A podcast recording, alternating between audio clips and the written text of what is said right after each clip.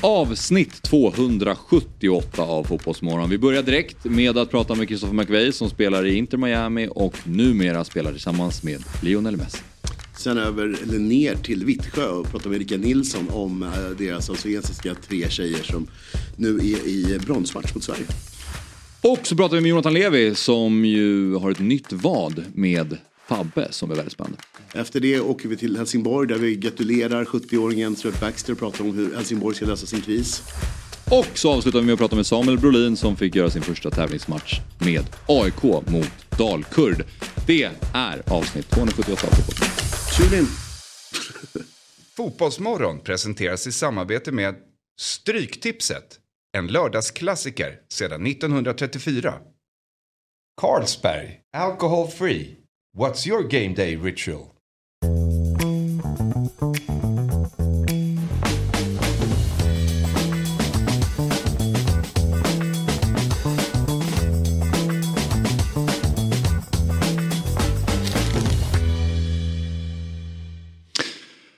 God morgon och varmt välkomna till Fotbollsmorgon avsnitt 278. Axel Inslander är mitt namn och jag sitter tillsammans med Stocksunds huvudtränare Fabian Ahlstrand. Mår vi? Eh, bra, mycket bra. Mm. Härligt. Vi väntar på uh, Myggan också. Förhoppningsvis ska han dyka upp snart. Än så länge är det du och jag Fabbe. Mm, nej, men det, det har vi gjort förut. Mm. Vi vet hur vi hanterar krissituationer. Men hur mår du? Vi ska snart, vi har ju ett, ett samtal här bara om en minut. Eh, men jag tänkte bara fråga liksom hur du mår för du har ju kört, förra veckan pratade vi lite om det också, men du har ju kört fotboll hela sommaren. Och inte fått någon liksom, paus. Du känner dig inte Nej trött nej. och seg utan du, du är pigg och, Ja, ja. Pigg Och glad. Ja, ja. ja bra. Vet du vad, då, vi ska ta lite mer intro sen och lite headlines i fotbollsvärlden. Men vi har med oss den första gästen direkt här eh, under torsdagens eh, avsnitt av Fotbollsmorgon. Och det är så att eh, vi ska ta oss över Atlanten där vår gäst börjar bli sugen på att gå och lägga sig. 2022 så lämnade han Elfsborg och Borås bakom sig för Miami och David Beckhams nygrundade klubb Inter Miami. Nu rullar Myggan in i studion också, välkommen Myggan. Eh, och hur är det egentligen då att dela omklädningsrum med Messi, Busquets och Alba numera? Det ska vi ta reda på. Vi säger god morgon slash god kväll och välkommen till Fotbollsmorgon Kristoffer McVeigh. Tjenare, god morgon. God morgon. Du eh, Kristoffer, eh, många som är nyfikna såklart på hur det är att spela i klubben just nu med tanke på vissa spelare som har anlänt. Men eh, till att börja med bara, din egen resa och, hur du hamnade i Inter Miami. Kan du berätta för oss hur det skedde? Uh, ja, nej men som sagt, jag var i Elfsborg i ganska många år. uh, sen jag var 11.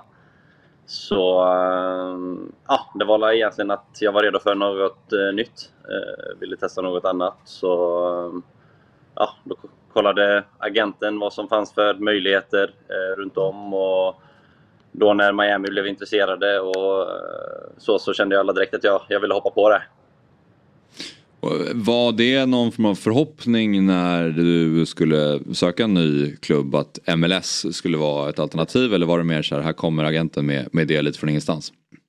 Eh, nej, men det var la, eh, som sagt, eh, ah, jag var la öppen för, för mycket liksom, så att eh, det är klart att det fanns ju lite intressen och sånt där kanske som eh, ja, man kollade runt på och just MLS hade vi väl snackat lite om innan eh, eftersom eh, jag är halvamerikan också.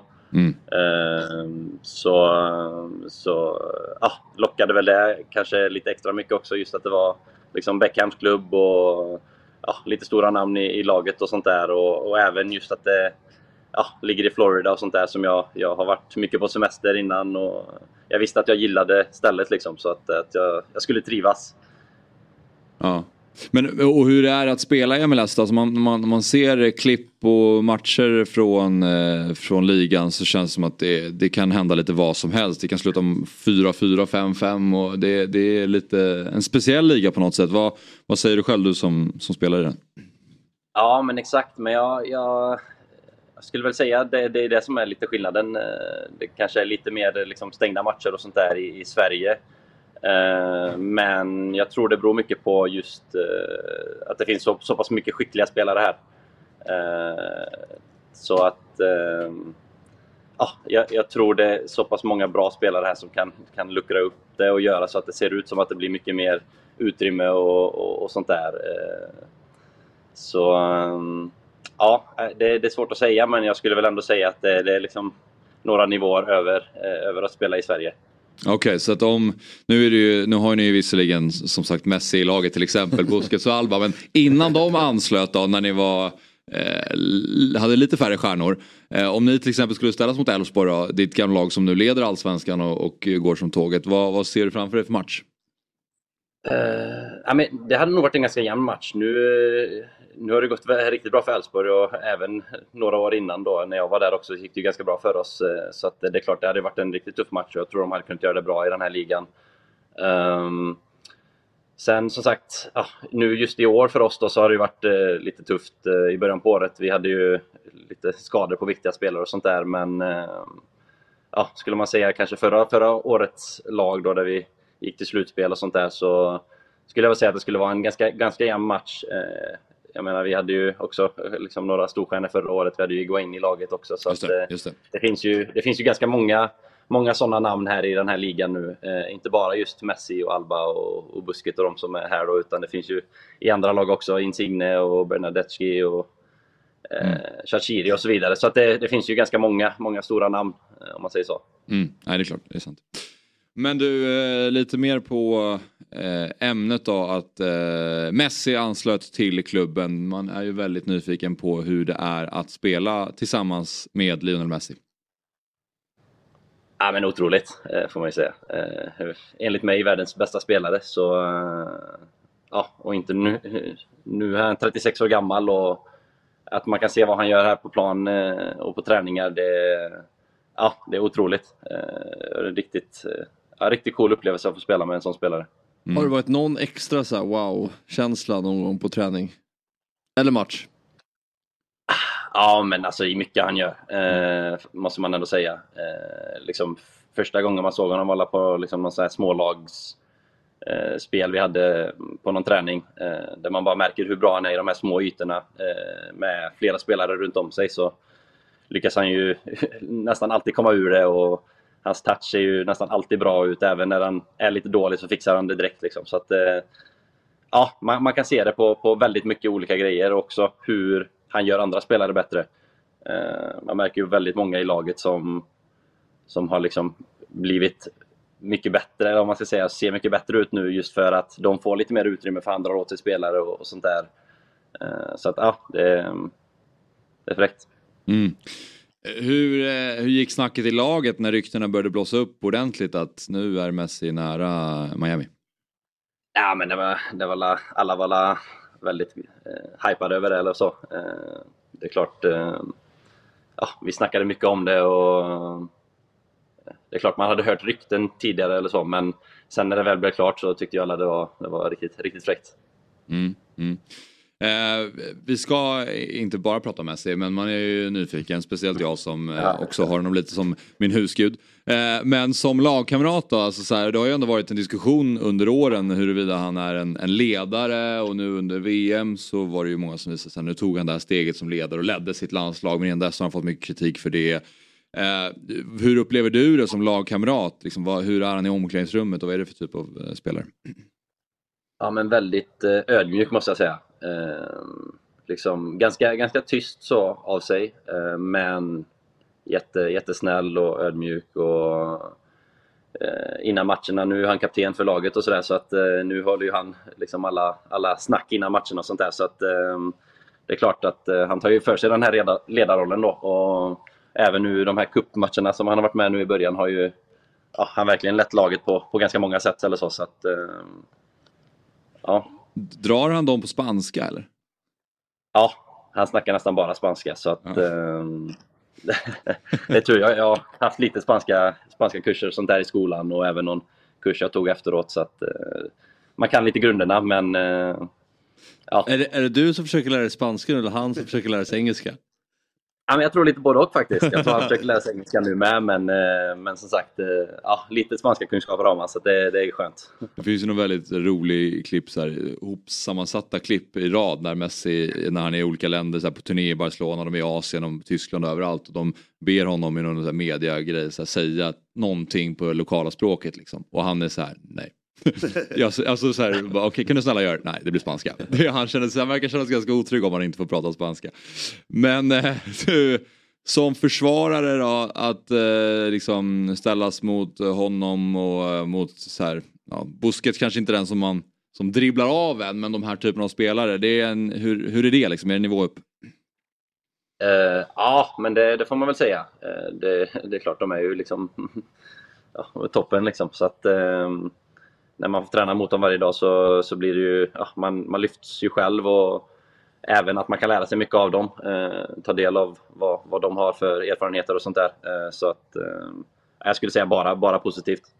Mm. Men vad, hur, hur, hur är klubben då? Hur har, hur har den utvecklat sig sen du, eh, sen du skrev på eh, för, för drygt ett år sedan? Jag tänker, ja, givet såklart alla stjärnor som har kommit men det har ju snackats mycket om David Beckhams intåg också. Hur, hur har klubben, eh, klubben utvecklat sig senaste året? Ja, men eh, jag tycker det har varit ganska bra liksom, med, med fansen och sånt där. Har ju varit, eh, ah, jag tror vi hade snitt på kanske 15 000 förra året och jag tror arenan tar 18 eller något sånt där. Så att, eh, det var ändå ganska bra, bra med tryck liksom, förra året också.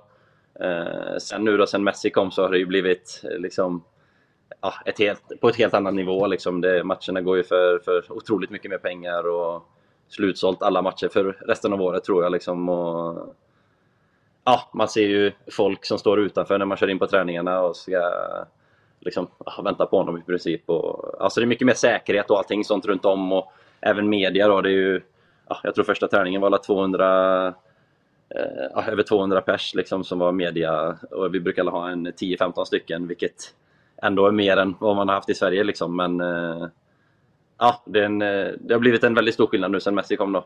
Mm. Och för att prata hur det går för er, för laget då, så har ni vunnit nu sex raka matcher i det här kuppspelet där ni är framme i final då och det är en final mot Nashville som är på svensk tid söndag 03.00 då. Ehm, är det, för att ni ligger också sist i tabellen, är det så att det är mycket, mycket Messi-effekten eller är det någonting annat som har skett för er eh, inom laget?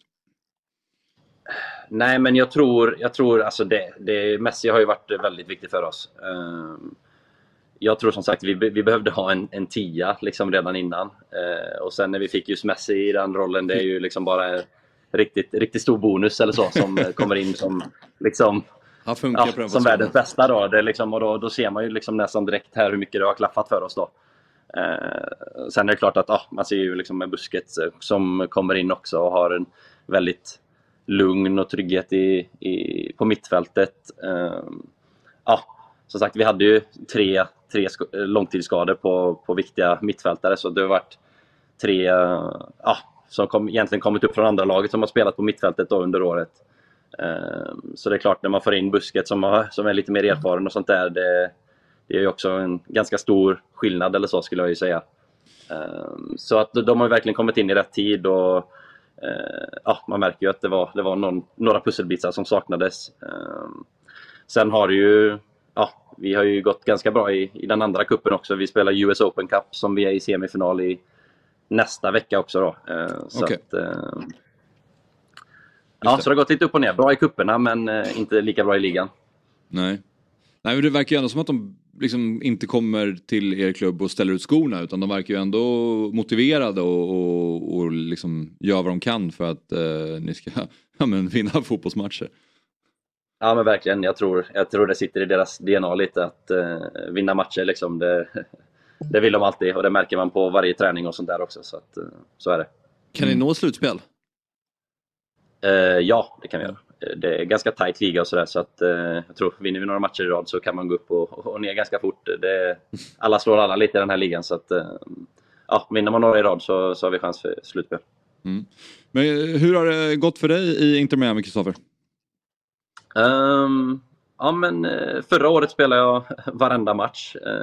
jag tror 90 minuter i nästan alla matcher förutom en där jag blev utbytt i 70 eller något sånt där tror jag. Eh, Så att eh, förra året var ett riktigt bra år. Eh, Det här året har varit helt okej. Eh, Jag har väl spelat en ja, 23 matcher av 33 kanske eller något sånt där, jag vet inte. Ja, så jag har missat en 10, 10 matcher där jag inte har spelat eller så. Så att, ehm, ja, inte riktigt lika mycket som förra året men ändå ganska mycket. Vad har det berott på då? Är det tuffare konkurrens i laget nu eller vad har gjort att du fått spela mindre i år? Ja, men som sagt, vi, vi började ju lite knackigt. Eh, så tränaren fick gå. Eh, så kom in eh, assisterande tränaren tog över och då när han tog över då så blev det inte lika mycket speltid. Eh, och sen dess då har det inte varit riktigt lika mycket. Sen kommer en ny tränare in igen nu då så att eh, och då har det blivit lite mer igen men ja, det är la- nya tränare man ska försöka vinna över nu då. Mm. Vilka, vilka tränare har, ni, har du haft där? Vi hade Phil Neville förra året. Just det. Eh, och sen tog assisterande över som var från, ja, han kom från eh, ett av ungdomslagen här. ehm, eh, ja, inför det här året då kom han som assisterande och sen fick han ta över eh, någon månad och sen nu då är det Tata Martino eh, från Just det. Argentina som är Just det. huvudtränare. Just det. Men det finns ju flera spelare i ert lag som har spelat i Allsvenskan tidigare. Robert Taylor spelade i Gnaget och även Stefan Nelly i samma klubb. Eh, Stefan Nellys reaktion måste jag bara fråga om, som ändå är från Argentina, eh, när Messi anslöt till klubben. Hur, hur, hur var han? Ja, men jag tror ju han, han var ju glad över det också. Eh, Det är klart att han hade väl hört, eh, hört att det fa- fanns på kartan innan han skulle flytta hit, men eh, det är klart, nej, det, det tyckte jag han var riktigt fräckt då. Kanske lite tuffare för hans speltid dock. De är ändå typ samma position kanske. Jag vet inte hur de har, hur, jag vet inte hur Stefan Nelly används riktigt i Inter Miami, på vilken position. Men... Ja, men eh, nu har han eh, varit skadad ett tag här. Han eh, åkte på någon eh, fotledsskada så att eh, nu är han på väg tillbaka. Men han har varit borta nu ända sedan Messi kom så att eh, det. får se lite vad som händer nu Mm. framöver. Okej, men eh, Kristoffer, tack för att du höll dig uppe då för att prata med oss. Ja. Nu ska du få eh, gå och lägga dig och eh, lycka till här närmast eh, på söndag då, mot Nashville i finalen. Ja, grymt. Tack så mycket. Ha det gött. Kör Hej då. Ha det bra. Det är osannolikt. Det är så jävla eh, roligt så här när man bara så här, men vi, vi behövde en tia. Bara, så, vi, så, vi, så vi fick en Messi, det var ju en liten bonus. Behövde en liten ledare längre bak också. Kan hålla, hålla lite lugn i laget. ja precis, Busquets. Dumt att vänja sig vid det. ja Det blir verkligen. tufft i nästa klubb. Sen behövde vi en okej vänsterback, plocka Cordell bara. Nej det är, eh, det är, jag tror han har gjort nio mål på sex matcher nu Messi Ja, och några det. frisparksmål. Och, eh, han, Och nå slutspel till ligan känns ju också rimligt som man sa. ja, Fast de ligger typ sist eller näst sist. det verkar inte helt kört. Men Men eh, ja, det är, man blir inte riktigt klok på kvaliteten på MLS. För det Kristoffer är ju ändå inne på, så, men det finns ändå många bra spelare och det finns en, en kvalitet där. Samtidigt så ser man ju också, alltså de största spelarna som kommer dit, de brukar ju leverera Mm. alltså, extremt väl. Det var ju samma när Zlatan kom, han gjorde ju, lite för bra. alltså, han gjorde ju lite vad han ville. De, de sjukaste målen, är många, han har gjort många sjuka mål i sin karriär, men många av dem kom ju i Galaxy. När han liksom gratis sparkar och bara Frilejd. ja, men gör lite vad han känner för. Jag tycker nästan att det är ett av de mäktigaste mål han har gjort. Första matchen han drar på Ja, men det är så- plan. Alltså varje gång jag tittar på det, det är nog den som ger mig mest gåshud. Trots att det är MLS. Just för man har ju också de amerikanska kommentatorerna som bara, alltså oh my god, vad är det som har kommit till MLS? Eh, Första match. från halva plan. Hoppar in va också? Ja, Han hoppar in, han gör ju två mål. Ja, ja, Han- den där han är ju nick, sist- lite mer orena nicken på slutet. Ja, men, Ashley Cole som slår inlägget va? Han, kanske det här. Men, men det var lite snyggt också för volleyn är ju, den är inte liksom, det är ju lite skuren boll på ett sjukt sätt. Tekniskt sett. borrar in den. Jävligt snyggt mål alltså. Ja. Men är han, eh, vad skulle, om man ska sätta i kontext, är MLS, det måste ändå vara en topp... Man har ju raljerat lite över kontrasterna i ligan Mm. och det du var inne på att det, det kan hända lite vad som helst. eh, Men eh, rent ligamässigt måste det ändå vara topp 10 i världen. Oj, ja visst. Det kan jag Skulle köpa. jag väl tro. Att den är. 10 är ju ändå rimligt för det blir ju efter Mm. 5-6 där så blir det ett jävla dropp. Ja precis. Alltså även fast Mm. Zlatan gjorde vad han ville där, och, men han gjorde vad han ville i PSG också. Mm. Alltså, Det, det känns som att det kanske är en av de ligor som har störst skillnad mellan de bästa spelarna och de sämsta spelarna i ligan. Så att Ja. det är, ja, nej, men det är svårt, så därför blir det en extra svår placering. men jag menar, det är ändå ganska mycket spelare från Sydamerika som ändå går till MLS. Som är Ja. bra Absolut. högsta Jag tror i salary cap-grejen gör som du säger, det blir, det blir väldigt uh, un, underliga lag liksom. Mm. Så Ja. ställer man det så det kan vara väldigt högt och lågt. Ja, nej, men så, så kan det vara. Men Minns du Zlatans mål där när han gör den här äh, karatesparken när Ja, felvänd och bara Ja. typ styr den vidare ner i hörnet Ja. fast men det så snärtar in den. Det målet har man aldrig sett. Nej. Det är, det är också, men det är ju det är så här, nästan, det är nästan bara ett märkligt mål. Ja. Det är som att det är så här tv-spel. Ja. Irriterande nästan. Ja. Det är Ja, ja, det- som nya cykelfotbollen som de börjat med. Har du sett det? Ja, De snärtar in det bollarna. är verkligen det. Förutom att hans fot är liksom Cykelboll över hans det, huvud typ. Ja, Jag tror inte cykelbåt. Ja, det var Viktor som visade mig igår. Och, ja, men, det är fotboll fast de cyklar samtidigt. Ja. Så för att göra mål så snärtar man till bollen med sin cykel. Eh, ja, det såg Nej, helt, alltså, de såg så sjukt bra ut också. Mm. Ja. Eh, men det var roligt att prata med Kristoffer McVeigh. Härlig start på det här programmet. Eh, nu ska vi hälsa god morgon ordentligt där och det är den 17 augusti idag. Eh, och Myggan, eh, vi hann inte prata då, för du ramlade in under intervjun. Du, Mm. Allt är bra med dig? Ja, jättebra, jättebra. Lite sen, men nu, nu är vi tillbaka. Mm. Tar igen för lost time. Nu kör vi. Hur, hur tungt är det för dig att gå upp så här tidigt? Nej, det är inte mycket jobbigare än, i vanliga fall är det åtta kanske. Det är Mm. inte så stor skillnad. Nej. Men visst, det är, det, är en, det är mysigare att vakna och lyssna på er och ta sig hit i lugn och ro. Ja. Än att lyssna på ingenting. Liksom. Stressa. Ja men när klockan börjar närma sig sju, när den är så här 06.58 och Mm. det är ingen mygga, då börjar, känner jag alltid lite orolig. Nej, men det är helt rätt. Det ska du vara. Du ska vara Ja, orolig. Okej. Du ska vara inte orolig. Men eh, det är moppen då. Sitter man och gasar på Odengatan. Ja. ja men det är härligt att du är här i alla fall. Och eh, det finns ju ett gäng personer som fyller år idag. Då. Vi brukar ju dra födelsedagar och eh, här har vi listan för den 17 augusti. Robert De Niro fyller 80. Det är det. Hon är, känns jäkligt gammal. Sean Penn fyller, gissa, Eh, fem, eh, 60. närma, eh, nära 63. Uff. Tony Rickardsson fyller 53. Thierry Henry fyller 46. Sara Sjöström fyller 30 Oj. idag. Mm. Och eh, min bästa vän August fyller också år. Ja, kan jag lägga Mm. till också. 17 augusti. Det är många som fyller år idag. Varför är August? Eh, han fyller 29. Ja. Mm. Så är det. Och eh, jag höll på att glömma, Marcus Berg fyller också år idag. Vad han fyller framgår inte här. Nej, det kan Fabian. Ja, men det kan. När är han född? Han är för 86. Mm. Och då blir han? 37. Bra, ja, om du säger det så stämmer det säkert. Men ehm, vilken eh, person på den här listan, Myggan, eh, känner du att det här, vill jag, det här fastnar jag för? Ja, men Sean Penn i så fall tror jag. Mm. Ja. Mäktig, mäktig snubbe, känns det som. För att? Nej, bara mäktig skådis. Bad Boys, typ 82 eller någonting. Jag gillade det. Han Ja.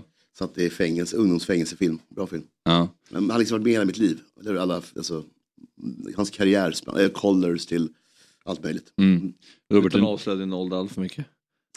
Ja, ja, ja, 100 procent. Det gör jag verkligen. Nej, men äh, Bad Boys tycker jag var skitbra den liten. Den var grym. Robert De Niro eh, är väl lite samma, nu är de, de är uppenbarligen Ja, ja, inte lika gamla verkligen. men lite samma känsla kring kanske. Mm. Det kanske att typ så här, Taxi Driver och de, Tjuren från Bronx, liksom, varit lite för gamla för mig jämt. Alltså, det är ju tidigt Ja. 70-tal i New York. Det känns inte riktigt som man har så mycket relation till. Nej. Jag gillar Taxi Driver. Mm. En, en favorit. Mm. Det passar din Det- Rolling det- ja, Stones grej. Det förvånar mig inte. Nej, inte, inte. Nej. Du gillar saker som inte liksom ska vara din, Du din, det din era. Nej, exakt. Alltså det, jag tycker den är helt okej. Ja. Eh, lite seg liksom. För Ja, jag, är ju- jo. jag är ju född ett annat typ av... tempo, lite annat tempo, och ja. eh, attention span. Ja exakt. Mm. Vet, man vill att det ska hända saker hela tiden för det gärna funkar så. Helt rätt. Eh. Men Tony Rickardsson kan vi ju nämna lite också. Han är ju... Jag vill ändå flika in i... Speedway-Fabbe. Det är inte något med Tony Rickardsson det här men på födelsedagen ska vi ändå uppmärksamma att Rospiggarna tog sig till kvartsfinal i, eh, Bra. i, i eh, Bauhausligan. Eh, Så... Efter de torskade mot Smedarna men det räckte för de tog tillräckligt många poäng. Och det har varit en, en dålig säsong för, för laget. Eh, Men eh, slut, slutspelsplatsen är bärgad. Men jag fick nog. så fort du började prata speedway så drog han bara. så fort du sa Bauhausligan. Myggan out. ja, ja men grattis, kul för Rospiggarna. Ja, får vi åka upp och kolla. Kanske du följer med nästa gång. Jag hade jättegärna, jättegärna följt med och sett eh, speedway live. Det har jag aldrig gjort förut. Och eh, det är faktiskt eh, härligt när, när du har varit där och liksom levererat vad som hände på, under speedway-fighten. Eh, vi ska snart ta nästa samtalet för, för dagen. Men eh, Thierry Henry fyller 46 också. Mm. Du, nu håller ju inte du på Arsenal så här jätteaktivt men det har ju varit din klubb Ja. i England. Eller hur? Ja, ja. Ja. Och jag tänker att Thierry Henry har varit lite av en idol för dig. ja jo men det var han ju. Mm. Ja, Ja, han var ju helt överlägsen. Bra snack. Nej men, jag väntar på respons. Ja, Nej men det är klart det är ju så här. Sen är man ju så här, nu när man har blivit, när man var 7 till 12 liksom. Mm. Alltså, Men var han liksom, det var det jag Ja, fiskade det var- efter, var, var det liksom, är det, Ja, är det men din det- fotbollsidol när du växte upp? Är det ja, liksom nej det var du... inte riktigt så men eh, det är väl klart han var en grund till varför man började hålla på Arsenal. Mm, ja, okej, ja. Man hade ju ofta, man hade ju flera kanske men ofta en specifik Mm. där som, som var liksom det här Vad var tycker du om hans period i Barca? Eh, alltså han, jag tror han gjorde mer än vad man kanske minns. Mm. Eh, men jag minns den ju som ganska sval. Han hade sådana förväntningar. Ja precis och att han också clashade med Pep lite grann. Och, eh, Men han var ju svinbra året om han trippen va? Alltså när han... Alltså 2009, 2008, då 2009. gjorde han ju ja då var han ju bidragande absolut. Ja nej men så att han var ju bra. Det var bara så här. Han kom eh, som en superhypad stjärna Nej, från, eh, kommer från eh, Arsenal och sen så precis då så är ju alltså så här, Messi har ju, har ju blivit världens bästa spelare då och sen har du så här, Samuel Eto'o som typ gjorde, alltså som nästan var bättre. Så man kände ändå Ja. att i, i relation till de andra spelarna i Barcelona så fick man ändå känslan av att han inte liksom kom upp på sin högsta nivå på något sätt. Trots att han ändå var ganska Just det, men hans Så- första säsong i Barca det är ju väl eh, eh, Rijkaards sista där. När det, Ja, är det, de slutade eh, fyra i ligan. 07-08 kanske, Ja. något sånt där tror jag. Och Ronaldinho är ju totalt på nedgång. Ja precis, och, det är så över där. och Rio lyckas inte så. Nej. Det är väl typ precis, det är någonstans där, det, man, det man kommer ihåg. Mm. Men nu är han ju i alla fall en väldigt uppskattad eh, pandit i rutan. Eh, Ja okej. eller- Nej, jo, alltså, jo, det är väl. Alltså, säkert. Vi är, Ja.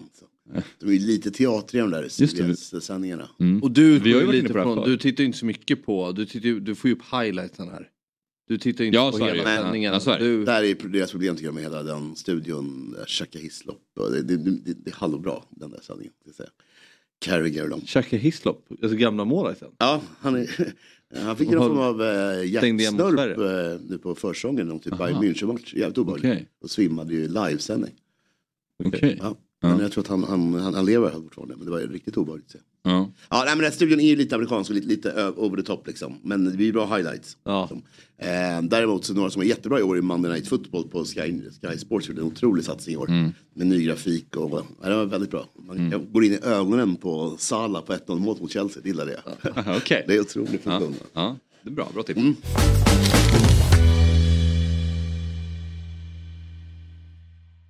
Ett poddtips från Podplay. I fallen jag aldrig glömmer djupdyker Hasse Aro i arbetet bakom några av Sveriges mest uppseendeväckande brottsutredningar.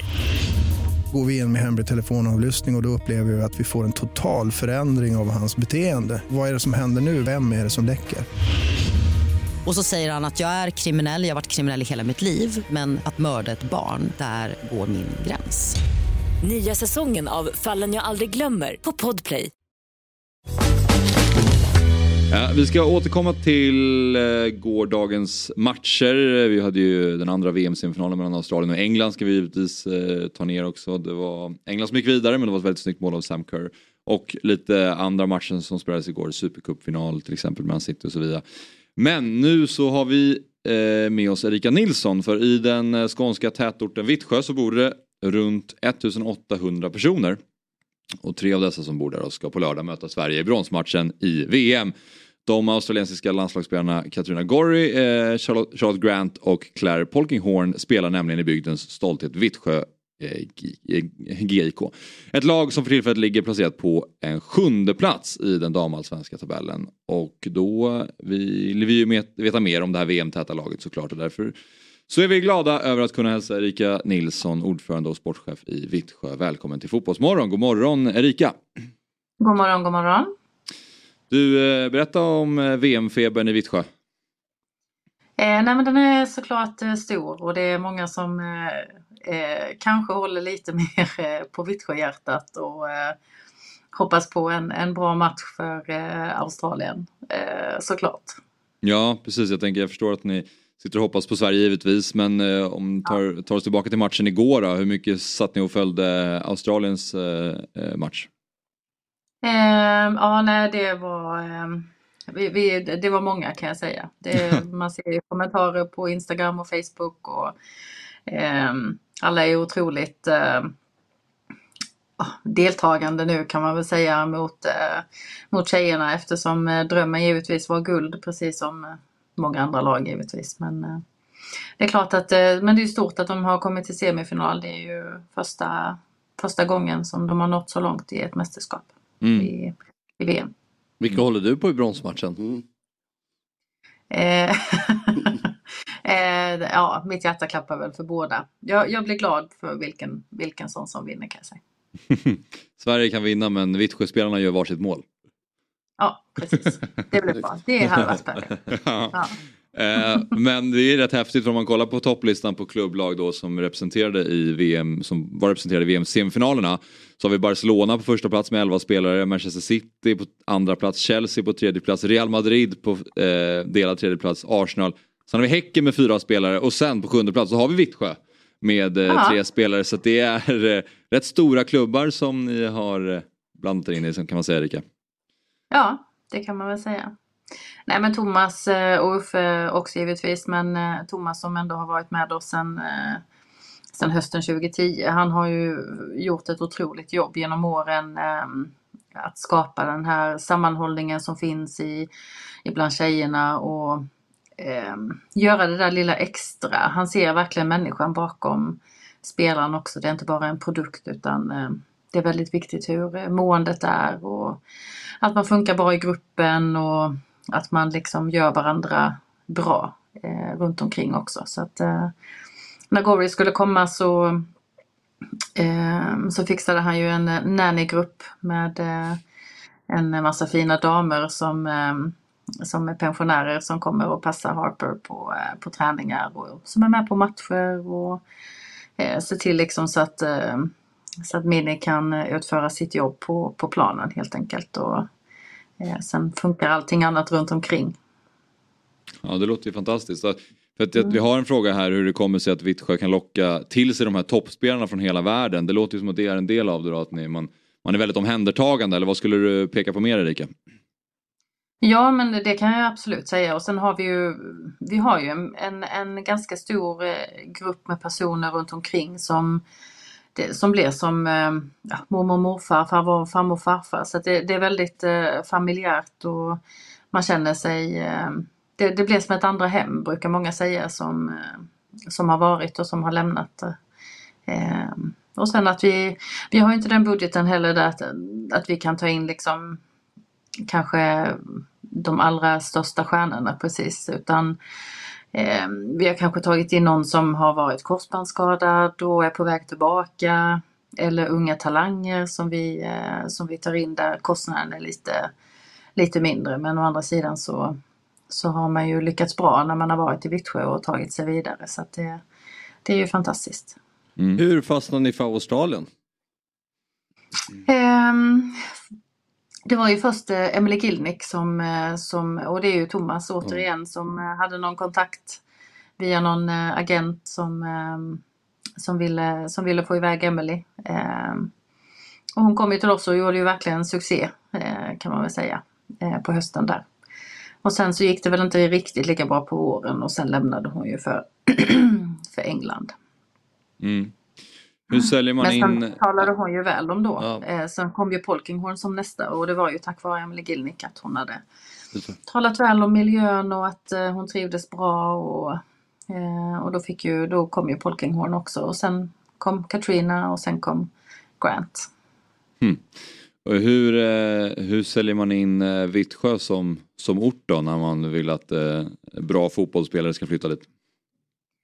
Eh, nej men Hässleholms kommun är ju, det är ju en knutpunkt liksom. Eh, det, det är en eh, mysig liten stad och sen är det ju nära till kontinenten. Du har, eh, Hässle, eller du har Köpenhamn på en timme och en kvart. Malmö på 45 minuter och alltså det, det är ju det är ju liksom eh, tryggt att bo och det, det är eh, ändå nära ifall man skulle vilja ta sig någonstans. Och det är ju, tågen går ju därifrån Stockholm, Malmö, Mm. Göteborg och så vidare. Så att, eh, nej, det, det, det, och sen är det just den här sammanhållningen och den fina miljön i Vittsjö som, eh, som gör att det, att det känns attraktivt. Vi hade någon spelare som sa att här har jag verkligen tid att tänka på fotbollen och inte en massa annat som händer runt omkring och sådär. Så att eh, det, kan, det kan vara lite positivt också att det kanske inte är världens eh, hype och världens puls i, i byn kanske. Utan eh, man, eh, man får lite tid på sig till fotbollen också. Mm. Men eh, ni ligger just nu sju, sjua i damallsvenskan då, en serie som ni har tillhört sedan 2012 och ni har en stark ungdomssektion. 2019 slutade ni trea i ligan. Det är imponerande med tanke på föreningens storlek. Alltså, vad, du har varit, jag har pratat lite om det tidigare sådär men kan du utveckla lite hur ser framgångsreceptet ut över, över längre tid? Eh, nej men det har ju varit en, en stark fotbollsby kan man väl egentligen säga sedan eh, 80-talet. Eh, vi hade två stycken starka tränare i, i Kalle Olsson och, och, eh, och Göran eh, Gunnarsson som, eh, som verkligen var eh, motorn i det hela kan man väl säga. Ehm, och skördade i bra framgångar ehm, genom fyra Gothia Cup-guld i A-slutspel till exempel. Det är ju ganska fantastiskt för en liten by. Ehm, men så att just damfotbollen har ju varit stark sedan, 80-talet i, i Vittsjö. Ehm, och sen så bestämde man sig där någonstans 2010 att eh, 2009-2010 att nu satsar vi för att komma uppåt liksom. För då kände man att dels hade man en bra årgång att jobba med ehm, men också att det var mm, spelare som var intresserade av att komma till Vittsjö. Och då kom ju Thomas Mårtensson 2010 och sen 2011 så gick vi ju igenom eh, eh, ettan. Och eh, var ju egentligen klara innan, innan eh, säsongen var slut. Och ingen förlust. Så att, eh, det var ett bra år kan man mm. säga. Så han har varit tränare nu i 13 år? Ja. Oh, herregud. Vad var... Han har varit i två klubbar innan bara. Så han är så här eh, långkörare. Vad Trogen man. Trogen man. ja, verkligen. Vad var målbilden när Thomas anslöt då, när satsningen påbörjades där 2010? Nej men det var ju att man skulle ta sig upp till Obot svenskan Absolut. Mm. Och vad, mm. nu när ni har lyckats med det, vad, hur ser ni på framtiden? Nej men det hade ju varit kul att vara enda byn som kommit till eh, Champions League. Thomas han brukar säga det att eh, det hade varit rätt så coolt att se Bayern Münchens buss rulla upp och infarten till Vittsjö IP. Men eh, vi får väl se. Det, det, är många lag som krigar och det är duktiga lag framför så att eh, men vi kämpar på. Mm. Um, vi, eh, I fjol så började vi sammanställa en tabell med ett gäng division 6-lag som hade lite kämpigt och vi döpte den tabellen till Sveriges bästa förlorare. Och där hittade vi Vittsjös herrlag då som letar sig in i serien och de är med och slåss i serien även den här säsongen. Eh, varför skiljer det så mycket mellan herrlaget och damlaget i Vittsjö skulle du säga Erika?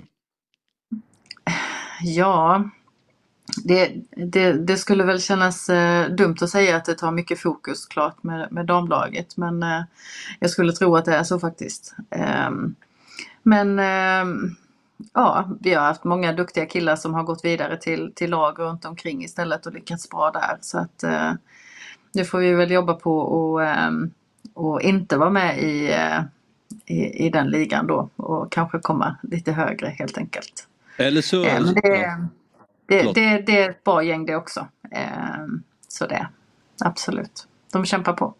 Eller så är det dags att vinna den när ni ändå är så nära. Ja, kanske det. Alla vinster är bra vinster, eller hur? Exakt. Mm. Även, vi har även hört att Gustav Fridolin ska vara en anhängare till Vittsjö, stämmer det? Ja då, absolut. Ja. Han är ju gammal Vittsjöpåg som de säger i Skåne. Ja. Eh, så att eh, han, eh, han håller på Vittsjö, absolut. Ja, det, det, låter som att Vittsjö är ändå en ganska fotbollstokig stad, Erik. Jo men det tycker jag nog. Det, det, är, ju det, det är det det pratas om eh, när man träffar folk på byn och, och eh, på affären, ICA och det står, eh, våra gubbar står där och säljer halva potten lotter och eh, Sverigelotter och allting och eh, det pratas ju mycket fotboll såklart. Mm. Ja men eh, stort tack Erika, då hoppas vi helt enkelt att Sverige vinner med 4-3 då och att eh, Katrina, Charlotte och Claire gör varsitt mål. Ja det hade varit, eh, det hade varit drömmen det, absolut. Superbra, stort tack Erika. Tack. Hej. Tack. Vi gör detta avsnitt i samarbete med Telia och det vi gillar med Telia är att du kan samla alla sporter på ett ställe. Och då menar vi verkligen alla. Smart va? Nu när Premier League har dragit igång så kan du följa ligan och du kommer kunna följa Champions League när det drar igång samtidigt som du kan följa slutspurten i Allsvenskan och gruppspelet i SHL. I grymma appen Telia Play kan du se alla sporter och matcher live eller i efterhand om du skulle vilja. Och skulle du vilja råka vila lite från sportvärlden kan du självklart följa alla filmer och serier som finns hos Viaplay, TV4 Play och Telia. Du kan också lägga till allt från HBO Max utan extra kostnad. Jajamän, och priset då? Jo, det kostar bara 649 kronor i månaden vilket gör att du sparar över 500 kronor jämfört med att köpa tjänsterna separat. Så, att samla sporten smartare och dessutom spara en massa pengar. Ja, det är Telia. Häftigt. Och eh, mm, det är väl på sin plats att det är eh, en, en, en stad där det är liksom, när damlaget är betydligt mycket större och tar all uppmärksamhet istället för herrarna. Ja, Det gör nej, Vittsjö Ja, charmigare. De ligger, för, de ligger lite i framkant i Ja, framtiden. Men det, är väl så här, det finns rätt mycket fotbollsklubbar där ju. Det är mycket fotbolls, äh, herrklubbar där så det var jättebra att tjejerna kör på. Mm. Men eh, som sagt igår så eh, nu pratade vi om deras spelare som alla representerar Australien. De räckte inte till igår mot eh, England. Eh, de förlorade då med 3-1 vilket innebär att vi har en final mellan England och Spanien. Eh, men eh, Sam Kerrs mål var jäkligt snyggt. Mm. Ja. Nej, det var... äh, Jäklar vilken träff. Man tänkte så här. Måste ju spela bollen ut vänster. Mm. Och så drar hon på den där. Nej, det, nej. Men sen missade hon ju det där läget i slutet. Precis. Och i anfallet efter så Så, stänger ju England butiken. Mm. Äh, Den, den, sen så ser man ju på någon repris så att den styrs lite kanske. Eh, alltså jo, ja, Kers, nej, Kers ja, mål. ja, mål ja. Som nog hjälper till det lite. Ja. Men det är fortfarande, alltså rent estetiskt så är det ju ett, ett snyggt mål. Ja. Men stör mig på England alltså. Ja, jag, tycker de är, jag tycker inte att de är så bra. Nej, jag nej. tycker att de har så jävla mycket stolpe in hela tiden.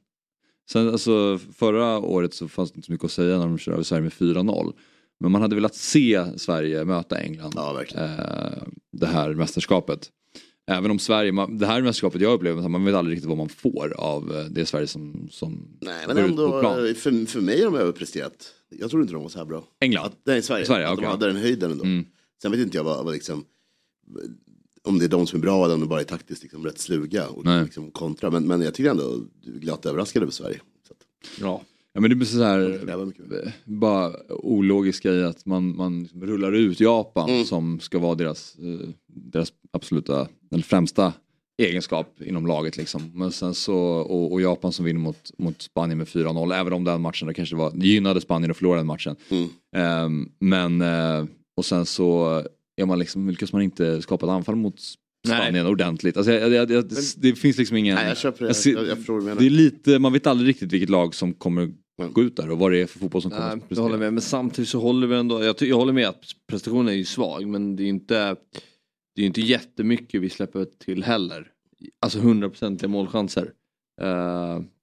Det ju- och vi är ju en, ja, vi är en målvaktstavla från förläng, förlängning. Mm. Liksom. Mm. Mm. Det är ju så det är. Ja. Och, eh, Ja, men det, var, det var som om nervositet var liksom en faktor på något sätt. Ja. Jag menar, alltså att, på den här nivån borde det inte vara det, men det, var, det kändes som att det, liksom, stundens ögonblick var lite, kom. Ja. Liksom, folk var liksom...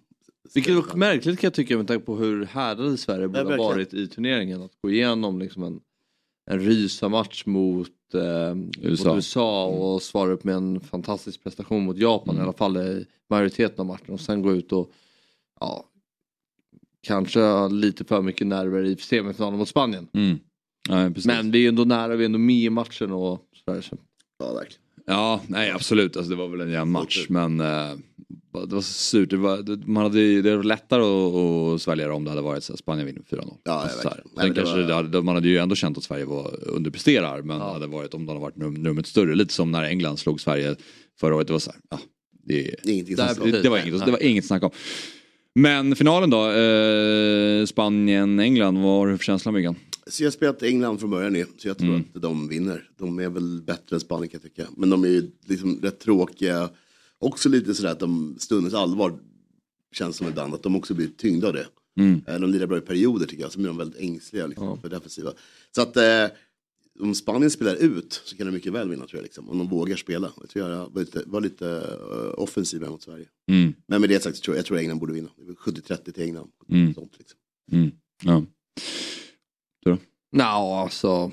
Jag vet inte. Jag, det är två, två länder man inte unnar skuld Mm. känner jag. Nej. Där. Uh, ja, det vinner mång- tredjeplatsmatchen då? Det blir roligare.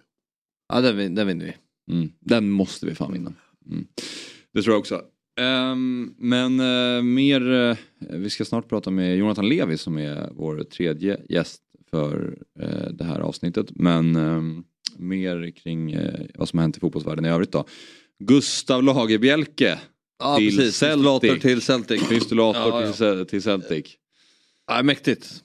Jättemäktigt. Eh, fan. det, är, det, är, det är stort faktiskt. 40 miljoner. 40 miljoner. Eh, ja, nej, det är, han har verkligen arbetat sig till det här. Vilka svensk eh, det finns det genom alla år. Alltid har en svensk Mm. nästan. Någon svensk ska Ja, leta sig in någon i jäkel Celtic. spelar hela tiden. och Och går den ena kommer den andra. Ja, Det är precis. liksom väldigt omlott. Men det är ju eh, det är, det är ju en, alltså, det är en smart klubb, det är en smart klubbval för att man kommer alltid framstå som en bra spelare. Ja, jo. Alltså så här, det är, Men det är en mäktig klubb. Ja, det är en, det är en mäktig klubb, alltså, på många sätt. Men eh, det, det är ju bara, man, man vet ju att det, han kommer vara en del av ett framgångsrikt lag. Ja, Starfelt gick väl till Celta Vigo nu. Så Mm. Det var väl det, det var Celta Vigo. Ja. Ja. jag menar, det är ju, gör man bra här så landar du i topp, topp, toppklubbar. Liksom. Mm. Så. Precis, så att det är ju ett väldigt smart mellansteg. Är han eh, redo för det? Ja, det tycker jag. Absolut. Mm. Han tar det är startplats. perfekt eh, hopp ju. Tror jag också. Mm. Nu, får, nu får ju Janne till inom landslaget också. Nu är det dags. Mm. Champions League. Mm. Ja, det blir kul att följa Gustav. Okej, eh, när världen är upp och ner, Sverige åker ur VM, terrorhotet skrämmer oss alla, översvämningar sköljer ut bajsvatten i Göta älv och vi är allmänt förvirrade. Ja, det står så. Då behöver man en trygg röst och då är det väl tur att vi har med oss den absolut tryggaste rösten där ute med oss den här morgonen. Som grädde på moset verkar han vara otroligt taggad och i form inför den nya säsongen som har dragit igång i Ungern där han spelar sin fotboll numera. God morgon och välkommen till Fotbollsmorgon eh, Jonathan Levi. God morgon, god morgon. Fan, jag vill snacka med dig varje morgon jag är med här. Ingen har introducerat mig bättre än vad du har gjort. Så Ja. Otrolig start på dagen. Det kom från hjärtat Jonathan, men jag ska säga att det är inte jag som har skrivit det tyvärr. Men eh, alla, alla här på redaktionen eh, står bakom det i alla fall. Ja, fin ja. Men du, du har inlett eh, säsongen starkt. Hoppar in direkt. 1 plus 1 på tre matcher. Eh, verkar inte ha fuskat med försäsongsträningen, eller hur, hur mår du i fotbollskroppen? Fotbollskroppen är väldigt annorlunda, ska jag säga dig. Från att ha 12 veckors eh, försäsong i Allsvenskan till att ha fem veckor. Så det är betydligt stor skillnad kan jag säga. Men eh, jag och kollektivet har väl eh, börjat ganska bra. Sju poäng på, på tre matcher. Top of the League som man säger. Så att, eh, det är svårt att vara ödmjuk då. Är det skönt att ha en kortare försäsong? Otroligt. Men eh, det är mest att det, det, det är roligare. Du, du trycker på i två, tre veckor. Sen så blir det lite lugnare. Du kör lite träningsmatcher och sen så är det på det direkt. Men jag har märkt att liksom det, tar, det tar några matcher innan du är, du är inne i fit form. Liksom, att du äh, känner dig matchredo och allt det där. Men äh, det är ju samma för alla lag. Så att det är mycket, mycket roligare än att gnugga. Plus att det är liksom 25 grader varmt. 25-30 grader när du står och kör lite extra löp efter träningen istället för minus 15. Så att, äh, det klagar jag inte över i alla fall. Blir det mer obegripligt över hur vi gör i Sverige att vi har så lång försäsong? Ja, ja, jag förstår inte det. Eh, och eh, folk kan påstå liksom att, eh, ja men vadå, Svenska cupen börjar i men- februari. Men det är... eh, Jag kan ju är- säga till alla de, som, alla de som tror att det skiljer sig åt så gör det inte det. Fast träningarna är fortfarande som en försäsong även fast cupen är igång. Så att, jag, eh, jag saknar allsvenskan med mycket men inte med det där, det kan jag säga. Lagen är ju aldrig redo i för, eh, Svenska cupen ändå. Exakt, exakt. Men du, hur trivs du i Ungern nu då? Väldigt bra. Eh, Jag trivs eh, framförallt utanför eh, fotbollen så trivs jag kanon. Allt från den här, den här staden man bor i till grabbarna i laget och det sociala. Mycket, mycket bättre än vad jag trodde. Jag trodde det skulle vara helt tvärtom. Jag var beredd på att man kanske skulle vara lite mer ensam och allt det där och inte känna sig lika trygg i, trygg i laget eller så. Men över förväntan måste jag säga. Sen är fotbollen jätteannorlunda eh, livsstilen som fotbollsspelare när det kommer till eh, kost framför allt. Eh, det är väldigt intressant för att vi Ja, de är ju generösa och bjuder på lunch och så efter träningar men det är ju alltid det är dessert efter varje träning och det är pizza fyra gånger i veckan. Så att, eh, det gäller att hålla pli på sig själv kan jag säga. Så att, där skiljer det sig åt men annars så är det 10 av 10. Ja. Men du, eh, det kablades ut bilder på ditt otroliga mål som du gjorde mot Ujpest. Um, och om för er som inte har sett det så bör ni kolla upp det för det är faktiskt extremt snyggt. Uh, är det en contender till årets mål redan nu i ungerska ligan? Uh, ja, jag fick höra det i alla fall. De kallar ju det för bombarsgol som de säger här nere när det är ett snyggt mål. Så uh, ja, ja, vi får väl se om det dyker upp där. Men det var faktiskt en av de bättre jag gjort, det måste jag vara ärlig och säga. Så, det var fint man fick den redan i omgång två, men nu har man väl lite press på sig att man ska göra det varje gång. Men eh, nej, det var fint. Det måste jag själv säga också. Ja, jag tänker att man får den pressen också, i synnerhet när det är ett sånt här mål när du viker in och, och sätter den i bortre så som du gjorde. Då känns det som att det där kan du väl göra varje gång Jonathan? Jag tror inte tränaren har sagt det till mig. Varför gör du inte det varje gång? Ja, ja, absolut. Jag ska försöka. Ja, men eh, du sa att det var ett av dina bättre, hur högt rankar du det? Jag måste nästan... eh, Den är i alla fall minst på topp tre när det ser liksom allt från eh, ja, hur snabbt det går till, till tillslaget och sen så när man tror att den ska gå över så går den rätt in i krysset istället. Så jag har gjort några fina sådana men eh, den här var nog... När det kommer till den där klassiska arge Robben att vika in och lägga den i bortre så var nog den här den, kanske den bästa jag gjort av dem i alla fall. Mm. Vad har ni för målsättning för säsongen? Ferencvaros, de hackar väl lite? De åkte ut mot Klaxvik. De åkte också ut mot Färöarna, helt rätt. Eh, och eh, vi, eh, vi vann mot dem borta nu i helgen. Eh, Ja, just så, eh, med målet är väl att vi ska komma, komma topp tre. Vi missade med en poäng förra året. Vi kom på fjärde plats. Så det är väl det minsta vi, vi strävar efter, topp tre.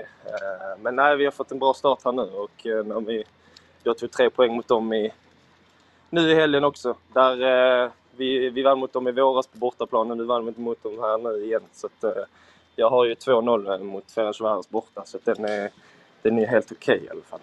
Så att nu gäller det bara... Nu möter vi Bartros gäng i, imorgon. Eh, gamla Videoton möter vi imorgon. Så att, eh, det ska bli kul att, kul att lira den också. Eh, och eh, han har ju inte fått den, tyvärr den bästa starten här borta nu i år. Men eh, ja, det, det ska bli kul att träffa honom igen i alla fall. Men Ferencvaros är det överlägset största laget eller? Om man slår dem så är det som om man slår jätten liksom. Ja, ja, ja. Det, det är väl, eh, jag tror de har fler, ja, betydligt fler guld än vad, vad Malmö har liksom, om man ska jämföra det med i Allsvenskan. Och, eh, de, jag tror de har vunnit fem år i rad eller någonting sånt. Så det är väl en liten Bayern München ungefär här i, här i Ungern. Så att eh, vinner man där då är, det, då är det någonting stort. Jag tror i våras var det första gången vi vann där också någonsin. Så att, det, eh, nej, det, det är en mäktig klubb, det måste man erkänna. Vart är du på väg nu? Jag antar att du inte åker kommunalt till träningsplanen?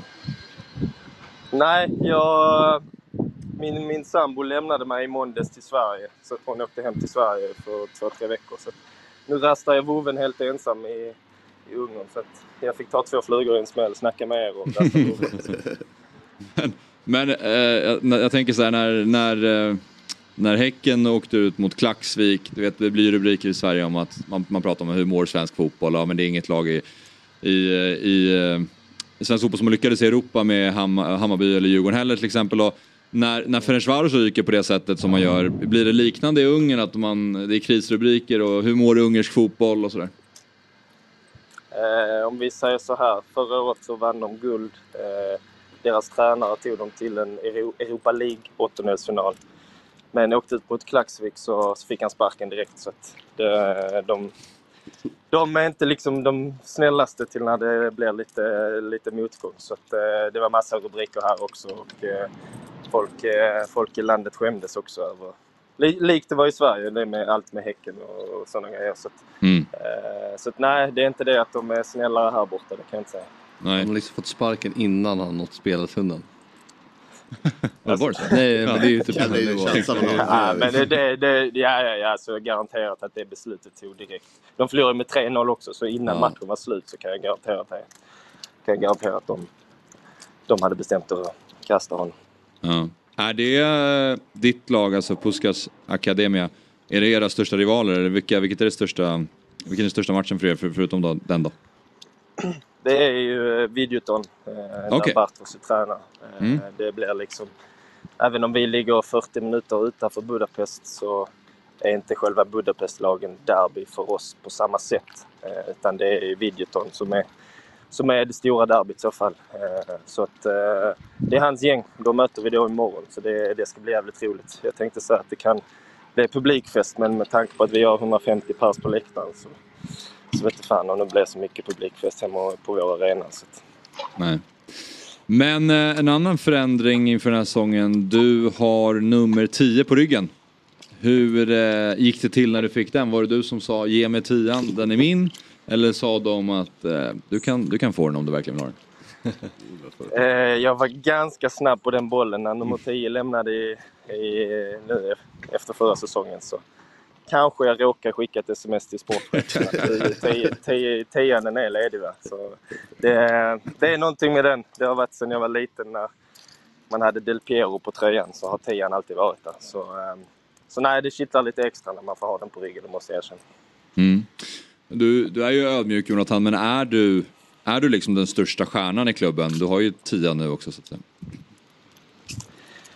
Alltså, jag, jag vill väl kanske få det att se ut så i alla fall. Med, med tian på ryggen och färga hår och sådana grejer. Men eh, vi, har, vi har riktigt vassa lirare, det måste jag säga. Sen så kanske jag är den som eh, eh är den spelskickliga av oss och ska vara länken både mellan anfall och mittfält. Liksom, där jag då spelar tia emellanåt och spelar ytter ibland. Liksom, så.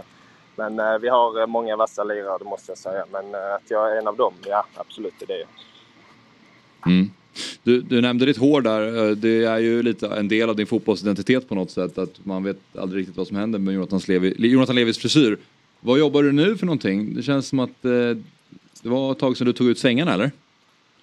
Ja, nu är det lite ödmjukt men lite blont i alla Ah, fall. okej, Det ja. är inte något, något, något massivt men eh, jag känner att jag behöver vara lite ödmjuk i, i detta landet i alla fall. Men eh, någonting fick det bli. Ja. Men, eh, min, min sambo sa till och med till mig att fan vad du är tradig nu på sistone så att det får väl bli någonting som, som händer. Att jag, får, att jag får göra någonting. Så vi får se vad det blir. Ja. Ni hade ett gammalt vad du och Jonathan, eller? Ja, just det. Där, När du spelade för Sollentuna. Ja, sen lämnade jag innan vadet. Ja just det, för ni skulle mötas i Svenska Cupen, Sollentuna mot eh, Norrköping. Och om ni skulle vinna då så skulle Jonathan Levi köra Ronaldo-frisyren från 02. Ja exakt. Ja, Och den vad är kan ni... nästa vad då? Vad har, Ja, Du okej. får gnugga på någonting nytt nu. Ja, Det precis. kan du ta till nästa gång jag är med ska du ha Ja exakt. Nej, Men eh, Du får fundera lite. Vad är rimligt eh, poängsaldo den här säsongen för din del? 5 plus 5? Det löser du va? Eh, löser jag inte det så är det illa av mig för vi spelar ändå 33 omgångar. Så vad- Okej. Nej. det är där du vill ha gränsen så är jag gärna med på det. 15 poäng. 15? Ja, ja men då, då, har vi, då har vi en deal. Okej. deal. Och vad händer? Ja, Om du inte... frågan. Kanske att vi ska köra vidare på den eller? Är det Ronaldo?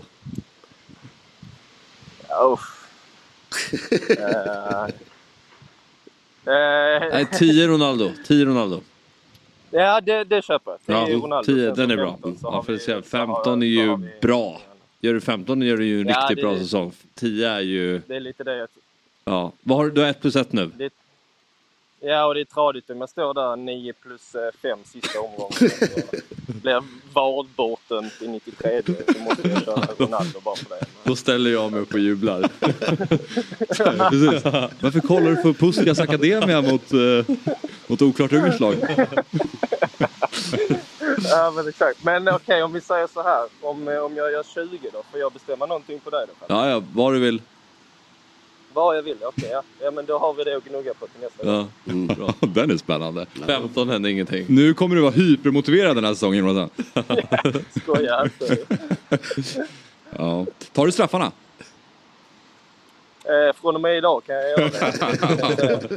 Ja, bra. Eh, men du, till någonting lite mer seriöst då Jonathan. Du, eh, du twittrade igår ehm, och Eh, du twittrade i förrgår var det. Och då skrev du så här, av alla värvningar så är det här den mest tragiska. Och då syftar du till Neymars övergång till Saudi då. I mitt tycke tidernas underhållare minns inte ens att Ronaldinho fick mig att uppskatta en enskild spelare lika mycket. Vill du utveckla lite hur du, hur du tänkte? Uh, först så märkte jag att folk uh, valde att uh, ja, tolka det på, på olika sätt. Jag tycker att det är skittradigt att se Neymar lämna till Saudiarabien för den anledningen att jag vill se honom i Europa. Eh, I de största matcherna i Champions League och på den scenen. Jag har eh, inget emot att han går till Saudiarabien i sig. Eh, det, eh, det låter jag de som sitter där bakom tangentbordet och klagar på liksom, med ett eh, Mm. ägghuvud på Twitter. Det är de jag låter, låter få klaga över Saudiarabien för jag tycker inte det är lätt att säga det bakom ett tangentbord men när du väl står där så är det lite skillnad. Liksom. Eh, men jag tycker det är lika tråkigt att Messi gick till, eh, till MLS till exempel för att jag vill fortfarande se dem i Europa. Så det är det som är den stora anledningen till varför jag tycker det, det är tragiskt att se för att eh, som jag skrev då, Neymar, jag, det var många som inte höll med mig men jag känner ändå att okej, Ronaldinho i sin prime, jag var kanske inte jättegammal heller så det kanske är därför jag inte minns det så jätteväl. Men eh, Neymar för mig är den absolut roligaste jag har sett spela fotboll, speciellt också nu. Liksom, att han har gjort det. Okej, han har inte spelat jättemånga matcher, men han har gjort det på en lång tid. Han, eh, som jag tycker är, finns ingen annan som är mer underhållande att kolla på. Då är inte Neymar en av mina idoler. Liksom, allt från, från Del Piero till Pirlo till eh, Totti och Ibra är liksom de som, som jag har närmst om hjärtat. Men eh, inte ens de har jag tyckt var liksom någon som jag har tyckt och uppskattat lika mycket spela fotboll. Så att, eh, det var det som var min anledning till, till den där tweeten. Och Mm. eh, jag tycker det är jävligt synd. För att jag kommer inte jag kommer inte sätta på Saudiarabiska ligan för att kolla på den. Eh, för att jag känner inte att det är någonting som kittlar i mig. Så att, därav så blev det en liten tweet om att jag tycker det är jäkligt tråkigt. Mm. Ja, jag förstår. Vi eh, får prata vidare om det nästa gång du är med och då ska vi utveckla det här vadet då. Det är Ja, ja. inte helt fulländat än med vad, vad det innebär. Eh, det blir spännande. Så att eh, vi får ha det med snart igen Jonathan. Stort tack. Som alltid, alltid roligt att ha dig med och eh, kör hårt då mot Videoton. har Alltid med- kul att vara med. Tack snälla. Hädanefter har vi med dig varje gång du inte gör poäng. ja, okej. Ja. Fy fan vad jag ska skjuta nu. Du anar. Tänk ut och bra till Fabbe, jag är spänd på någon frisyr eller någonting. Finns, eh, finns mycket att jobba med. Ah. Ja, okej. Ja. ja, men Ja. vi ska nog komma fram till någonting bra. Så. Mycket bra. Vi hörs Jonathan. Det gör vi. Kul att se er. Ha det bra. Tja, tja. Tja, tja. Vi tar en kort paus och eh, när vi är tillbaka då har vi med oss Stuart Baxter. Det är mäktigt. Sen är det Myggans eh, spelkvart och sen ska vi prata med Samuel Brolin och så ska vi fortsätta prata lite om matcherna som spelades igår. Till exempel Supercupfinalen mellan Sevilla och Manchester City. Så sitt kvar.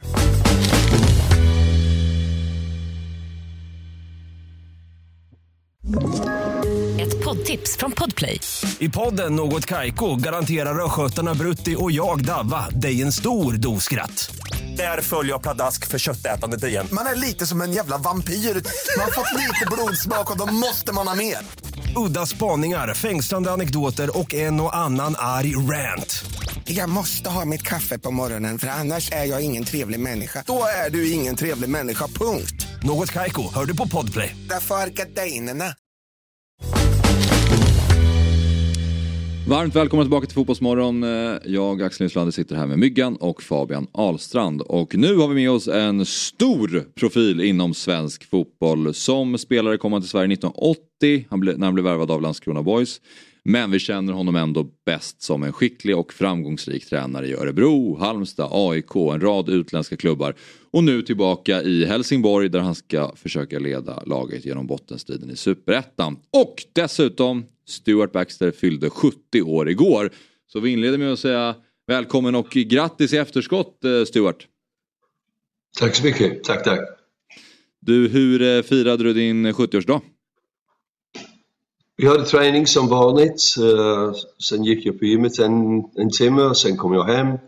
Vi hade ett besök från Sydafrika. Så vi visade honom lite grann av Helsingborg och på kvällen åt vi en väldigt lugn middag hemma. Det låter, det låter eh, som en behaglig dag, Stuart. Det var en bra dag. Det var en väldigt bra träning framförallt. Så det var, det var någonting som en liten present på min födelsedag. Eh, vi misstänker att du kanske önskar en vinst på lördag då när ni ställs mot Jönköping. Eh, hur ser förberedelserna ut inför matchen? Ja, jag kan, vi kan eh, alla i Helsingborg önska oss en, eh, en trepoängare. Det gör vi absolut. Uh, förberedelser, vi har, vi har det lite struligt i och med att vi har ett par skador till viktiga spelare och vi vet inte om de är klara. Vi, uh, vi har en ansökan på arbetstillstånd för Cole Alexander, en, uh, en kille från Sydafrika som vi vill, vi vill ha in. Så det finns lite frågetecken men som jag säger alltid, tränare, spelare, spelare har jobbat väldigt bra på träning och uh, inför varje match, jag är lika positiv och, och taggad så det, vi kommer nog att göra en bra match också. Hur jobbar du med gruppen nu inför en sån här match? Jag menar de två senaste matcherna har ni tappat ledningar. Senast så ledde ni med 2-0, ja. tappade matchen innan så tog ni ledning med 1-0, sen tappade ni. Vad, eh, hur jobbar du med gruppen för att ni ska liksom vara starka nu inför kommande matcher? Ja, det finns, det finns ingen riktig... Man kan prata om... Vi har en psykolog, Magnus, som har, som har gått in och gett sin synvinkel på allting och vi har jobbat parallellt med det med, med det taktiska, tekniska och men det finns till slut, det finns ingen riktig uh, botemedel man kan dricka mm. från en flaska eller någonting sånt det, det är gamla kliché. Det är ut och träna, hårt arbete och sen få den lilla, lilla bit tur som, som, går, går, som går med oss. Nu mm. hade vi, vi hade till exempel i en match, vi har vår lagkapten går ut, vi har tio man på plan, gör de mål på, på en hörna. Och nu får vi en straff emot oss. Jag kan inte komma ihåg en billigare straff, men just just då får vi den emot oss, eller hur? Så det blir den respons som, som man har till de, de moment mm. som vi har kanske baserat på den resa som Helsingborg har haft den senaste 18 månaderna. Vi har inte mäktat att ha en tillräckligt kraftig respons. Nej. När de, när de moment har gått emot oss. Så det kan vara att vi spelar bra och sen plötsligt och sen dyker vi ner ett tag och sen kommer vi tillbaka. Och det har, blivit, det har blivit så och det mm. spelare är medvetna om det, jag är medveten om det och vi, uh, vi jobbar så hårt vi kan. Mm. Men när du, när du valde att komma tillbaka till Helsingborg då Stuart, du visste att det var ganska tuffa förutsättningar och att Helsingborg kämpar för att um, hålla sig kvar i Superettan. Har, har det varit så som du föreställde dig nu när du kom tillbaka? Uh, jag, visste, jag visste precis situationen. Det var, det var, ingen, eh, det var ingen som försökte skönmåla den för mig. Uh, om det var som jag trodde. Jag, jag trodde den här spelargruppen skulle jobba hårt. Jag, jag visste att vi hade del av spelet som vi måste förbättra avsevärt. Uh, eh, och jag jobbade på. Jag, det som har hänt är att vi har, vi har nästan dratt oss ut en gång och fallit tillbaka. Mm. Och den, de tre senaste resultaten, ja okej okay, bortsett från Utsikten borta, en bra resultat, 1-1 borta mot serieledarna. Men uh, de andra tre, de har varit nästan okej. Okay. vi har, vi har led, vi leder nu 2-0 borta mot Västerås. Det, det kan man inte klaga på. Sen får vi den här straff så det är vissa moment, sen släpper vi in en till försmädliga uh, fasta situation. Den, det, det är vissa moment under matchen. Det är inte hela matchen som är en katastrof. Det är vissa moment som vi betalar väldigt dyrt för och vi, och vi mäktar inte resa oss i de moment. Kan vi, kan vi göra det, då kan vi dra oss härifrån en gång till. Mm. Och eh, sen du klev in då Stuart, om man bara ska prata lite mer om det som, det som sker på plan, det taktiska. Vad är det du har försökt göra i laget för att få, att, få er att vända på den här trenden? Vad vill du få ut eh, spelmässigt av laget? Kanske det första, kanske det första som man, man, märk, man märkte var att en ny tränare har kommit in, Stuart Baxter, Fred Smith, det spelar ingen roll, ny tränare kommer in.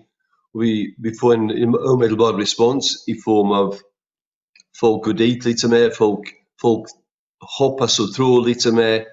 Och det är inte mig, det är, det, det är vilken tränarbyte som helst. Så vi får den.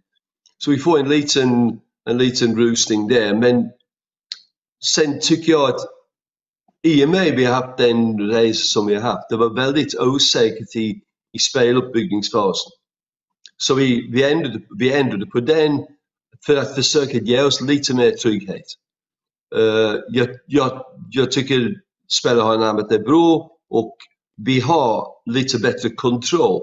Det låter bisarrt när man släpper in tre mål men vi har lite bättre kontroll över, över matchen. Sen har vi jobbat väldigt mycket med vår, uh, med vår försvarsspel och, uh, och alltså anfallsspel så vidare som vanligt. Men jag tror det, är det, vikt, det var det viktigaste, att försöka få lite bättre kontroll. Så när vi counterpressar, när vi counterpressar, vi, vi gör det på ett visst sätt så att vi ska få tillbaka bollen så fort som möjligt så att vi kan ha mer kontroll.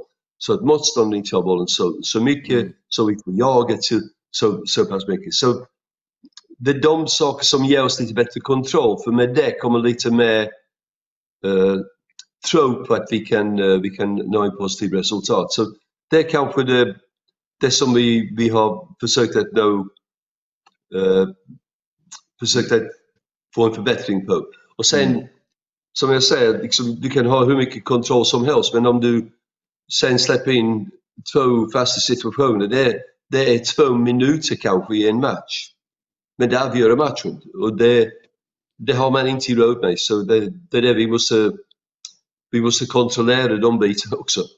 Hur nära är ni att ha den typen av kontroll som du beskriver? Alltså hur nära är laget att nå fram dit du vill ha laget?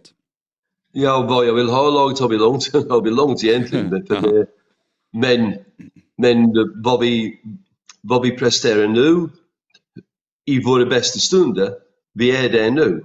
Men om vi, om vi säger att jag kan säga varje match att vi har, vi har nått en, en, en mycket bättre nivå.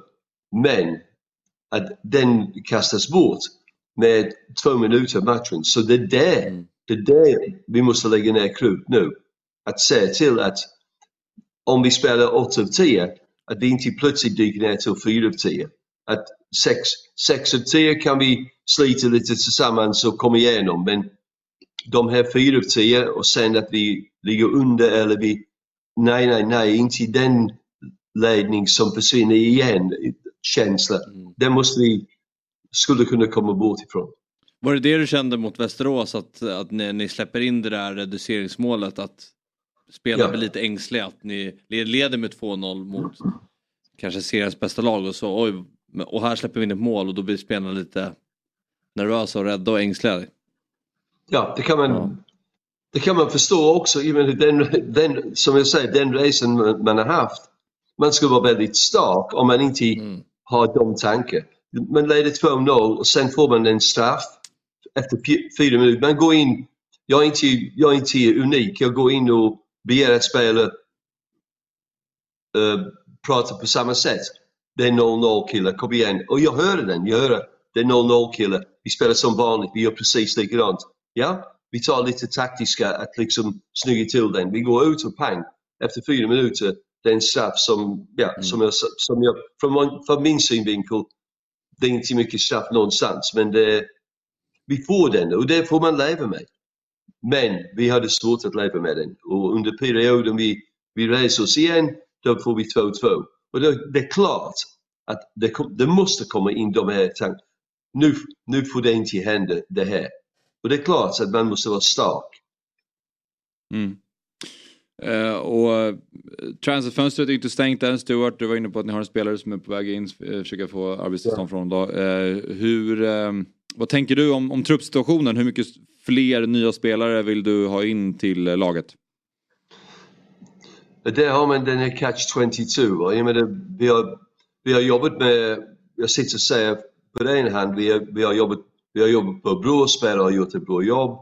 jag tycker vi har blivit bättre. Jag säger det och sen samtidigt vill man ha in ett par spelare som höjer kvalitet i gruppen. Men de två, två, två tre spelare, de kan ingenting om hur vi har spelat.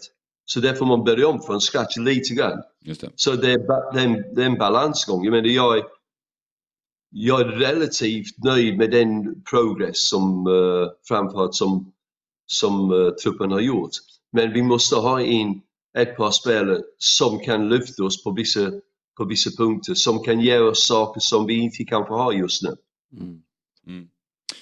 Vad, eh, vad vad har du för, nu har ni haft en tuff period här på slutet av, men vad har du själv för känsla i kroppen inför avslutningen av Superettan? Vad, hur tror du att ni kommer hantera de sista matcherna?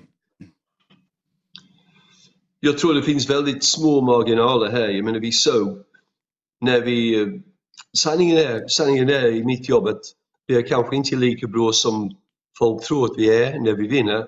Och de vi är inte lika dåliga som de tror att vi är när vi får stryk. Det är, det är kanske en bit, bister sanningen.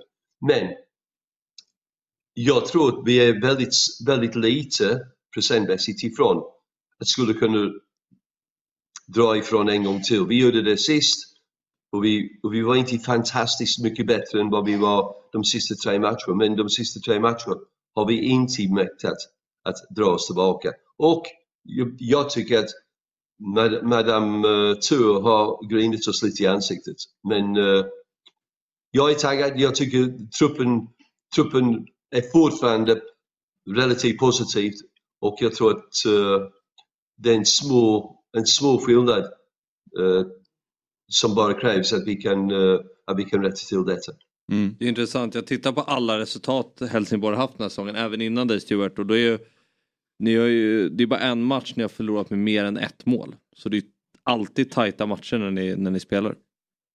Ja, jag vet att vi, eh, vi pratar om det naturligtvis och, och, och det är en uh, dilemma. Ju mer man pratar om det desto större, större elefant det blir i rummet. Va? Jag menar, det, det är någonting som vi måste ta hand om, vi måste jobba på. Sen måste vi lägga den åt sidan och, och ta den in i den större bild som är fotboll. Ja. Hur, eh, bara en sista fråga här. Det var ju ett tag sedan du var i, i, i svensk fotboll. Eh, Hur tycker du svensk fotboll har utvecklats sen du senast var här? Nu visserligen allsvenskan superettan är två olika divisioner men Ja, ja men jag, jag, tycker, jag, tycker, jag tycker ändå det varit en väldigt intressant, intressanta utveckling för, för svensk fotboll. Kanske det, kanske det på alla planer inte resulterar i en, en bättre fotboll. Uh, vi, har, vi, har, vi, har mycket, vi har mycket mer flexibilitet tycker jag när jag tittar på svensk fotboll. Men folk tittar på utlandet, de tittar på, de tittar på vad Pep gör, de tittar på vad, Mm. vad, de, eh, vad de gör i, eh, i Brasilien och i, och i Spanien och i, i Tyskland. Och, och man kommer fram till en, en lite uppgradering av svensk fotboll. Men vi är inne i den process just nu. Vad jag hoppas vi kan landa på är en nytänkande svensk fotboll. För svensk fotboll och alla de framgångar har- det har haft med en klar, tydlig, tydlig sätt att spela. Och även om det kan vara lite mer flexibel, även om det kan vara tre mittbackar istället för en, en fyra backlinje, det kan vara olika varianter. Jag hoppas att vi landar på en, någonting som vi kan kalla för svensk igen och det, det blir en, en stopp på all sökande och, och missnöje med vad vi faktiskt har. För jag tycker svensk fotboll, som jag sa många gånger, svensk fotboll, det slår över sin vikt på många sätt. Mm, mm.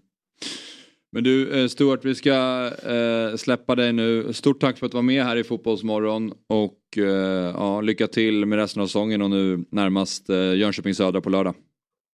Tack så mycket. Kör Tack så hårt mycket. Stuart. Ha det bra Stuart, hej. Ciao. Yes. Tack. Jag tycker det var läckert att få Ja, verkligen. med, med Stuart. Ja. Ärligt, ärligt snack. Han känns så professionell. Alltså, så här, det är, han är ju väldigt... Han har inte bara kommit hem för att han tycker det är lite mysigt att komma hem till Helsingborg. Han har ju det, vet om förutsättningarna såklart. Och det är liksom, Han, eh, han verkar brinna för, eh, för klubben väldigt mycket tycker jag. Ja, men jag, jag tycker han sätter fingret på det. Det är ju det är verkligen så att det, de är ju sällan sämre i matcherna. Men de är ibland för dåliga i eget straffområde och släpper in billiga mål. Och det är ju ofta, det, det är så små marginaler som kan avgöra så mycket. Alltså fotbollsmässigt, ja då är de inte mycket sämre än de bästa lagen men det är just de där små marginalerna. Släppa in en fast situation eller... Han sa ju precis det som Micke Stare brukar säga. Och det kanske säger någonting om att det är två tränare som har varit, tränat i Allsvenskan. Men nu visserligen har varit i klubbar som har det tufft. Men som det här med att när folk säger att vi är dåliga så är vi inte så dåliga som folk tror. När folk säger att vi är bra så är vi inte så bra som folk tror. Att det är de små marginalerna. Ja men exakt så. Det är ju verkligen så. Mm. Det är, Det är, det är väldigt tajt också. Alltså i Superettan. Jo, alltså, verkligen. tre vinster så är det ju femma, sexa. Problem. Så att det, det är liksom det är lite svårt att prata om. Om det är kris när man ligger näst sist. Eller om det, ligger, eller om det, är, om det vänder nu. Mm. Hörrni, ehm, innan vi går in på Stryktipset så eh, vill jag passa på att påminna alla som tittar och lyssnar om att Big Six är tillbaka med en ny säsong. Det är vår podcast om Premier League. Vi släpper två avsnitt varje vecka. På måndagar så det är Björn och Jesper. Alltså Björn Jonsson och Jesper Hoffman. Såklart, som eh, sammanfattar helgens matcher och sen på torsdagar då sätter vi fans till Big Six-lagen vid mikrofonerna för att höra röster och känslor kring, kring lagens prestationer. Så att eh, Big Six heter podden, det är en podcast om Premier League där poddar finns. Myggan, jag hoppas att du lyssnar för du är Premier League. Jag lyssnar, jag lyssnar. Det är väldigt bra. Väldigt bra program. Jag är orolig där. Mm. Eh, men det är alltså, det, måste säga, det är ju kul för så här, om man ska ladda upp typ nu när jag var på semester och man känner att man måste sätta mig in i Premier League-säsongen. eh, då, även, trots att det är liksom ens kollegor och att man själv varit med i podden någon gång sådär och spelar in den och hjälper till så, så känns det att ah, om jag ska lyssna på det här för att ladda upp och få reda på det bästa eller så här, viktigaste om storlagen. Ja, men jag sätter mig och lyssnar på, på Jesper ändå Ja, när han går igenom eh, tillsammans med Björn, går igenom eh, de, ja, De, Big eh, är det ju då. Eh, Mm, de lagspecialavsnittet tycker jag var jättebra. Precis. Jätte, jättebra. Precis. Och nu är det igång som vanligt. Så. Mm. Nej, skitkul. Mycket bra info. Ja, så är det. Big Six heter podden som sagt. Ehm, myggan, Mm. dags för eh, stryktipset. Och eh, vi ska snart titta på raden, men eh, lite kort bara då. 89 år i år. Stryktipset otroligt. började 1934. Ja. Hur fastnade du för stryket Myggan? Ehm, ja, men jag vet inte riktigt. Det var lite släktingar och sånt som körde. Och sen var det ju ganska lockande man lite såg den här kupongen och man gillar fotboll. Så att, jag är så pass gammal så man lämnar in dem typ på torsdagar eller någonting. Så att det var också det att på måndag vet jag vilka matcher så kanske kom på Stryktipset och Mm. på Tips Extra. Det gick inte så mycket matcher på, på tv. Så att eh, då stod det ofta så här, QPR Luton i tv-matchen stod det. Så det var spännande att springa in och kolla vad det var. Har, har du något så här stryktipset relaterat minne som, som sticker ut? Om, om det är så att du har haft eh, Nej, jag hade 13, 13 rätt som barn en gång. Eh, 32 raders system. Men jag, visste, jag var så liten så jag liksom skrev 32 rader. Ja, lång historia kort. Han som eh, jag lämnade in lappen hos, han tjänade nog en hel del pengar på mig den gången. Okej. han, han gav mig liksom en rad. Jag hade Aha. gjort 32 likadana garderade rader. Så i efterhand så känner jag att eh, något blev fel. Men det var eh, självklart då en sån utdelning på några hundra bara. Alltså, Ja. Det var ju väldigt favoritbetonat när jag var 7-8 år och satte den. Jag eh, brukar spela med några kompisar och då så eh, var det någon gång som eh, då skrev i, den här chattgruppen så här, ja men är det mm, så här, några som vill vara med och köra stryket idag? Och då skulle jag iväg under dagen och jag hade inte så, mycket, så mycket tid att skriva så jag skrev bara, kanske berättat förut, men jag skrev bara stryket tumme upp. Skrev jag. För jag tänkte så här, det, det menar jag, är, jag vill vara en del av Ja, stryket. jag tycker, jag, då är med. jag tycker ja, att det var ja, tydligt. Jag tycker det är tydligt. Så på kvällen då så kommer jag hem till eh, min brorsa och eh, några kompisar och då sitter de och kollar på den sena matchen där på lördagen och de är så här, vi, vi har 12 rätt, vi behöver det här på match 13 för att få 13. Jag var så här, fan vad nice! fan det är ju så här, hur, mycket, hur, mycket, kan- hur mycket kan vi vinna? Och de har tittat på mig och bara, vi, ja, vi kan vinna en del pengar, du kan inte vinna några pengar alls. Jag är så, vad skämtar du med mig? Jag skrev ju stryket tumme upp. De var så här, jaha vi trodde bara att du menar liksom Stryket, kör hårt. Vad kul att ni ska köra. Sen så blev det, jag tror de, de fick väl kanske 8000 spänn var eller någonting. Alltså, så det är ju pengar. Eh, men eh, jag tror att sista matchen gick väl inte precis som de hade hoppats. Så de hade kunnat vinna. Det hade kunnat bli värre för mig. Då hade jag fan kämpat mig för att säga ge mig åtminstone. Ja, men nästan tvärtom känner jag. Om det, 90%. om, det- om det är mindre än man trodde, då kan man ju verkligen vara schysst och säga att vi drar in, vi räknar in det också. Ja, just det det, är ja. samma här, Mm. om jag får 6 och 5 8, Mm. det är kul att vinna liksom. Ja. Men att då sitta och säga, ah, nej, du var inte med. Det är mina... Nej, så Ja, ja, det är eh, olika, efter men, det så är jag eh, jävligt tydlig. Jag vill jättegärna vara med. om, du har, en- om du och jag kör en chattgrupp så betyder det tumme upp och stryket, garanterat du är med. Det kan jag lova dig. alltså. Bra, skönt. Ja. Ja, Jag tycker det var glasklar kommunikation från din sida. Ja, verkligen. Där ska du... Tack som fan. Vad skönt att ni är på min sida. Eh, förra veckans resultat. Då var det 38 personer som hade 13 rätt. De vann 342 000 kronor var. Stort grattis till er. Myggan, vad föll du på? Jag föll på en hel del eh, förra veckan. Eh, det, det var... eh, Jackpotten gjorde ju lite sådär, lite, lite blind. Men nästan värst tror jag Southampton, Norwich. Det slutade 4-4 till slut. Där jag hade spikat Southampton, såg jättebra ut. Och de låg under varje gång. Tog ikapp. Så att det, var, det var inte ens nära. Så snyggt med de som hade eh, kryss eller kryss två där. Mm. Och det förändrade, det var ett se- jättesent mål, förändrade utdelningen jättemycket för de som satt med tvåan där. Så synd om dem, skulle ha vunnit mycket, mycket mer pengar. Men fin utdelning, kul med 38 vinnare. Det är ju mycket liksom. Så att, kul Då- jackpot-veckorna. Ja, precis. Mm. Nu eh, ska vi ta och titta på eh, din skiss här. 384 rader är det som gäller. Ehm, och eh, om vi börjar med en spik då. Mm. Kupongen. Jag tog Liverpool eh, bara för att, alltså vi kommer till det sen, eh, City-Sevilla-matchen. Eh, vi hade lite på känn det jag såg igår, att det City inte, alltså utan De Bruyne så är det något annat liksom. Så jag skulle gärna gardera upp den lite mer med fler tecken match nummer ett. Ja. Så att spiken blir match nummer tre. Den säkraste spiken på kupongen som du exakt. känner. Ja, men Match jag nummer ser tre. lite så. De, liksom, Liverpool gör alltid mål på Anfield. Vi misslyckades i en match förra året, det var mot Chelsea. Annars blir det alltid mål. Bournemouth har, är ju lite, lite crazy i år. Jag tror att liksom, vi vinner den här. Det, det, är liksom, det tror jag. Sen kan vi ha tufft mot andra lag som utgör våra svagheter. Så det blir spiken. Eh, tycker jag känns, känns rimlig den här gången. Mm. Och sen så har vi en, eh, ska jag se att få upp rätt. Eh, Ja, precis. papper Tänkte om man kunde ta ut eh, en varning och ett drag också. Nej, exakt. Och draget blir eh, Tom Bradys Birmingham i match nummer sju. Ah. Eh, som eh, slog Leeds förra veckan då på kupongen. Den, den hade vi med. Eh, sen, sen straffmål. Men med det sagt ser de jättebra ut. Och eh, Bristol City är väldigt överstreckade här. Så att där tycker jag man kan passa på att köra kryss 2. Ta bort dem helt och hållet. För Mm. att gå för lite grann. Så kul lag att följa också Birmingham tror jag. Jag tror de kommer att, att kanske vill förstärka lite till här innan fönstret stänger. Med eh, och det är- Tom, Tom Brady-pengarna. Ja, precis. Och det är, och bli ännu starkare. Ja. Så att jag tycker verkligen att vi ska, vi ska följa dem lite närmare. Det är Nordsjälland och Birmingham som och, och mina lag i höst. Jag märker jag. Eh, och sen stod ut en varning då. Det är match nummer nio, Sheffield Wednesday, som inte verkar... Eh, de sparkade han Darren Moore, tog upp dem. Bytte tränare och sen dess har det inte gått så bra nu de här, de här två första omgångarna. Och det ser inte så bra ut heller. Så passa på nu och gå emot dem. För de kommer säkert att byta tränare och, eh, och eh, bli bättre. Men just nu är de för ett nummer för, för litet för Championship. Mm. Så det tycker jag var, var ett varningens tecken för dem. Ja. Några veckor till. Skitbra. Och sen så, eh, jag vill bara stanna till vid match nummer två Mm. också. Tottenham-Manchester United som är den stora matchen i engelsk fotboll till helgen då. Ett Tottenham som kryssade första matchen mot Brentford borta blev 2-2. Såg bra ut och eh, Tottenham eh, tycker jag. Eh, Så jag, ty- jag tycker han är högintressant. Uh, nya tränaren där. Ja, Postecoglou. Öppna spel. Mm. Ja, det verkar, det är ju det som alla har sagt, att det kommer vara ett frejdigt offensivt Tottenham och 2-2 är väl väldigt tydligt på att, Ja, nej, det- som Per eh, som sitter i studion här på onsdagar oftast, han var ju inne på men eh, Tottenham kommer släppa in mål varje match, men förhoppningsvis kommer de vinna för att de kommer göra så pass mycket. Ja. Och det var väl lite den känslan man fick, även om de inte vann den här gången då, men United vann Mm. mot Wolves hemma, Mm.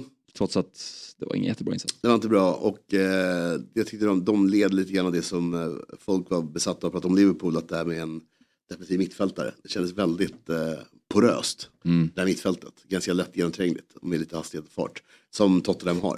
Så jag kände direkt att den här matchen vill jag nog vara eh, hela upp ordentligt. Mm. För det känns som att båda lag kommer släppa in mycket mål första matcherna. Mm. Eh, United kommer bli jättebra såklart. Alltså, Tror du United kommer släppa in mycket mål?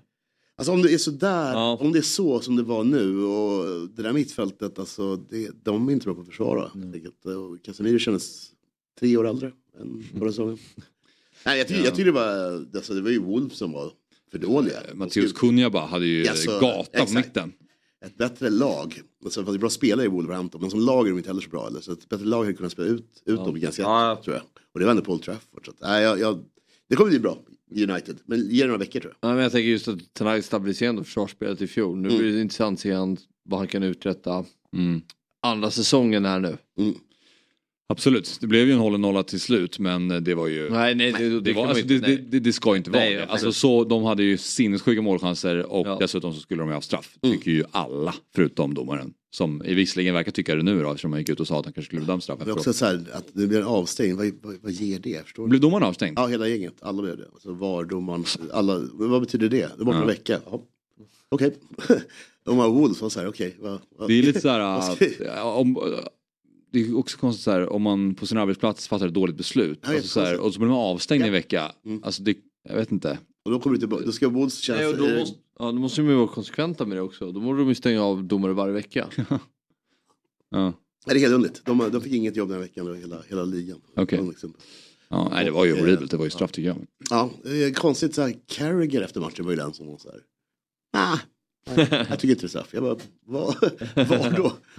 Nej, de krockar mer än vad. Men sen tycker jag Jonas Olsson var bra på det. Det är ju straff nästa sekvens också ju. Ja, precis. Kommer det så det är Mm. Ta den där istället. Han sparkar den bakifrån. Ja. Den är ju så oklar också. Det fanns två att kika på. Ja, den, för den gick ju lite Ja, men jag, jag tror att om vi ska bara ta lite, lite grann hur det ser ut i, i Premier League så tror jag att det finns lag som eh, Tottenham, United och Liverpool som kommer släppa in mål i början. Det är nog bara upp till dem att göra mer mål än vad de släpper in. Men alla tre kommer vara väldigt prone att, att släppa in ett eller två bollar kan de räkna med varje match nu.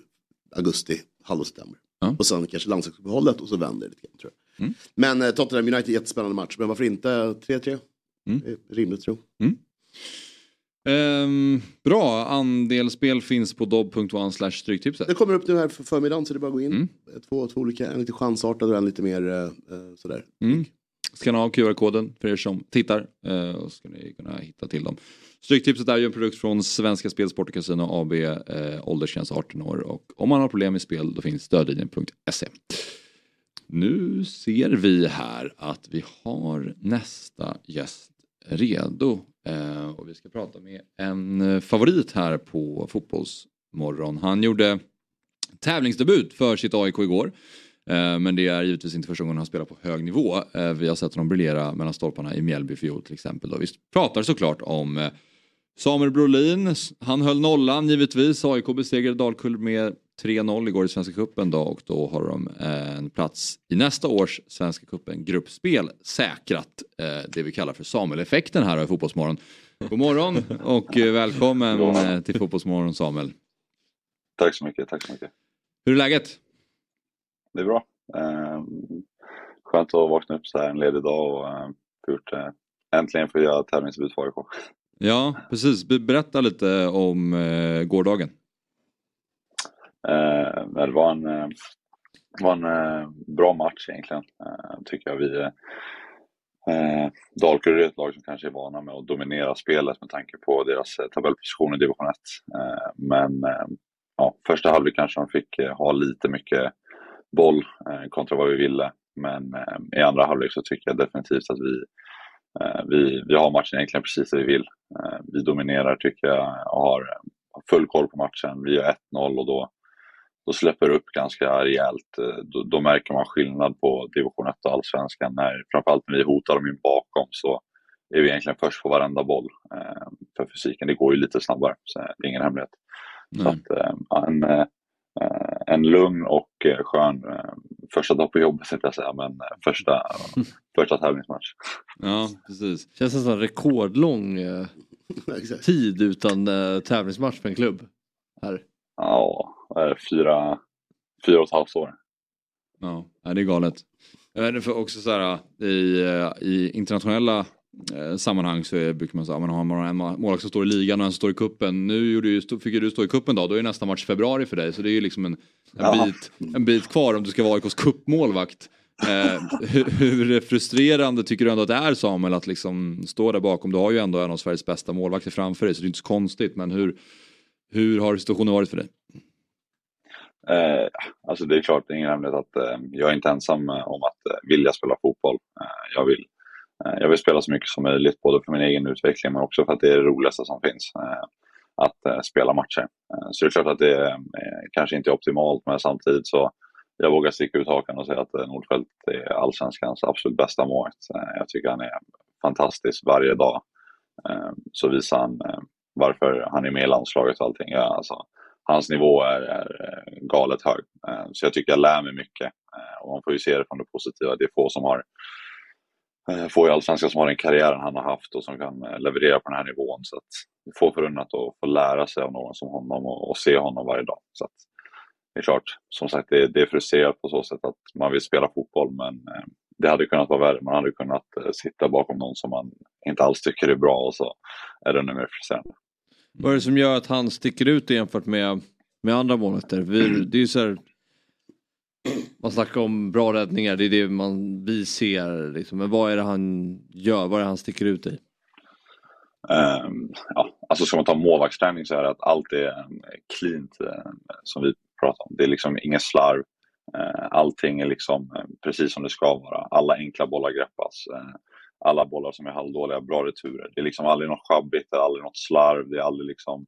Och samtidigt så gör han det i ett högt tempo. Han är, ja, alltså, hans, han är jävligt atletisk, sjukt explosiv, bra fötter också. Alltså, han är lite liksom, han är komplett på så sätt eh, som målvakt och det är, eh, känns som att det är få i Allsvenskan som är så kompletta som, eh, som honom. Mm. Men du, du höll nollan. Han släppte in två mot BP. Du tror inte att han börjar darra lite? Nej, det tror jag inte. Om, jag tror inte den här matchen ska göra någon skillnad men förhoppningen är väl att han känner någon typ av press bakifrån i alla fall. Att han inte känner att han kan göra precis vad som helst eh, på, på de allsvenska matcherna. Eh, Men eh, jag tror, inte, jag tror inte direkt att AIK som klubb tänker om på grund av matchen mot Dalkurd. Jag, har, jag tror jag har en räddning och kanske 12 insparkar. Det är typ det jag har i matchen. Men ja, förhoppningen är väl bara att jag visar att jag också är kapabel till att, stå på den här nivån, även med AIK. Mm, mm.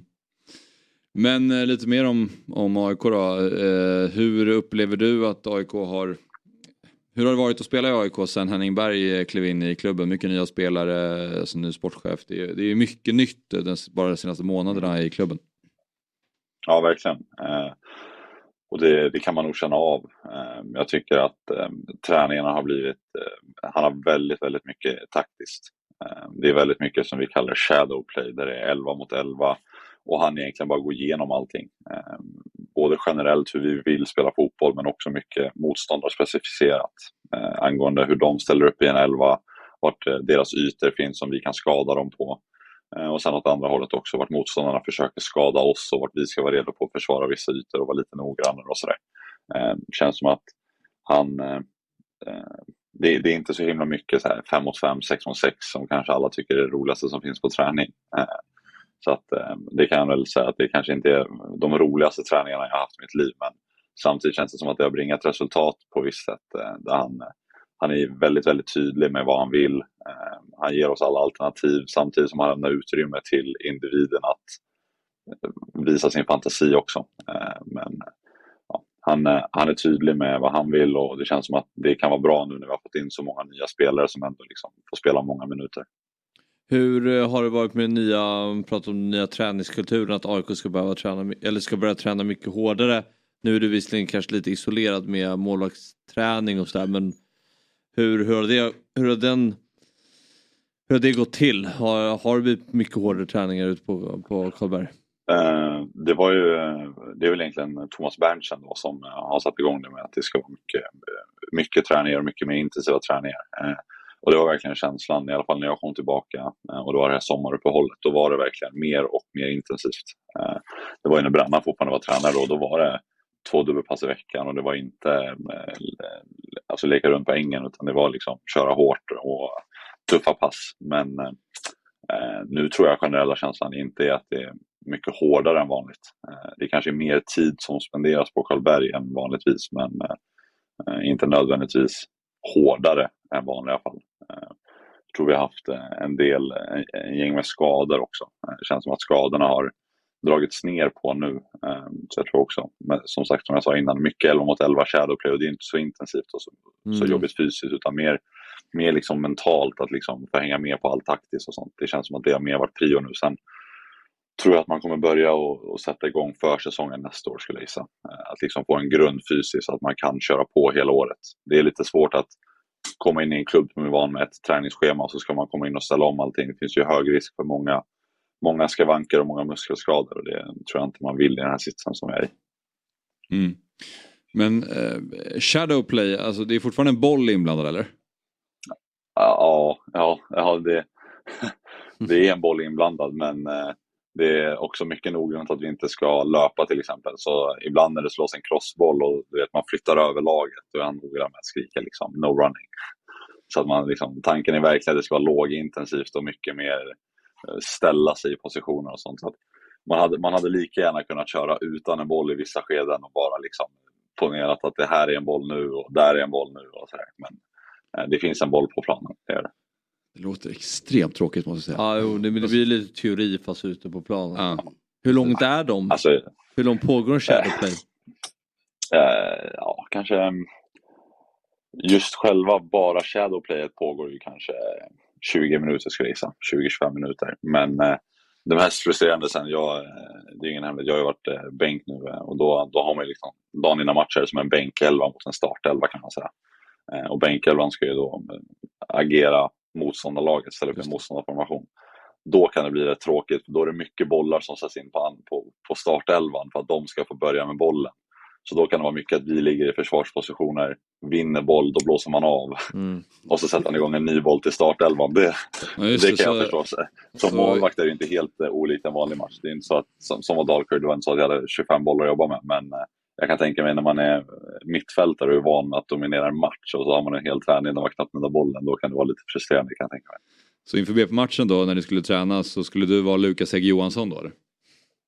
Ja, helt seriöst så kan det vara lite så. Det, det var väldigt noggrant. Vi, eh, det var innan Varbergsmatchen. Eh, så eh, jag gillar ju att spela med fötterna. Så jag gillar att hitta passningar och så, där. och så var det, var några gånger, då var Jimmy, Jimmy Durmaz också i bänklaget och Jimmy också en, en spelfördelare. Så, där. så vi, eh, vi höll väldigt mycket boll när de satte hög press. Så spelade vi urpressen många gånger och det var inte så poppis för det är ju inte direkt som Varbergs fotbollsfilosofi ser ut.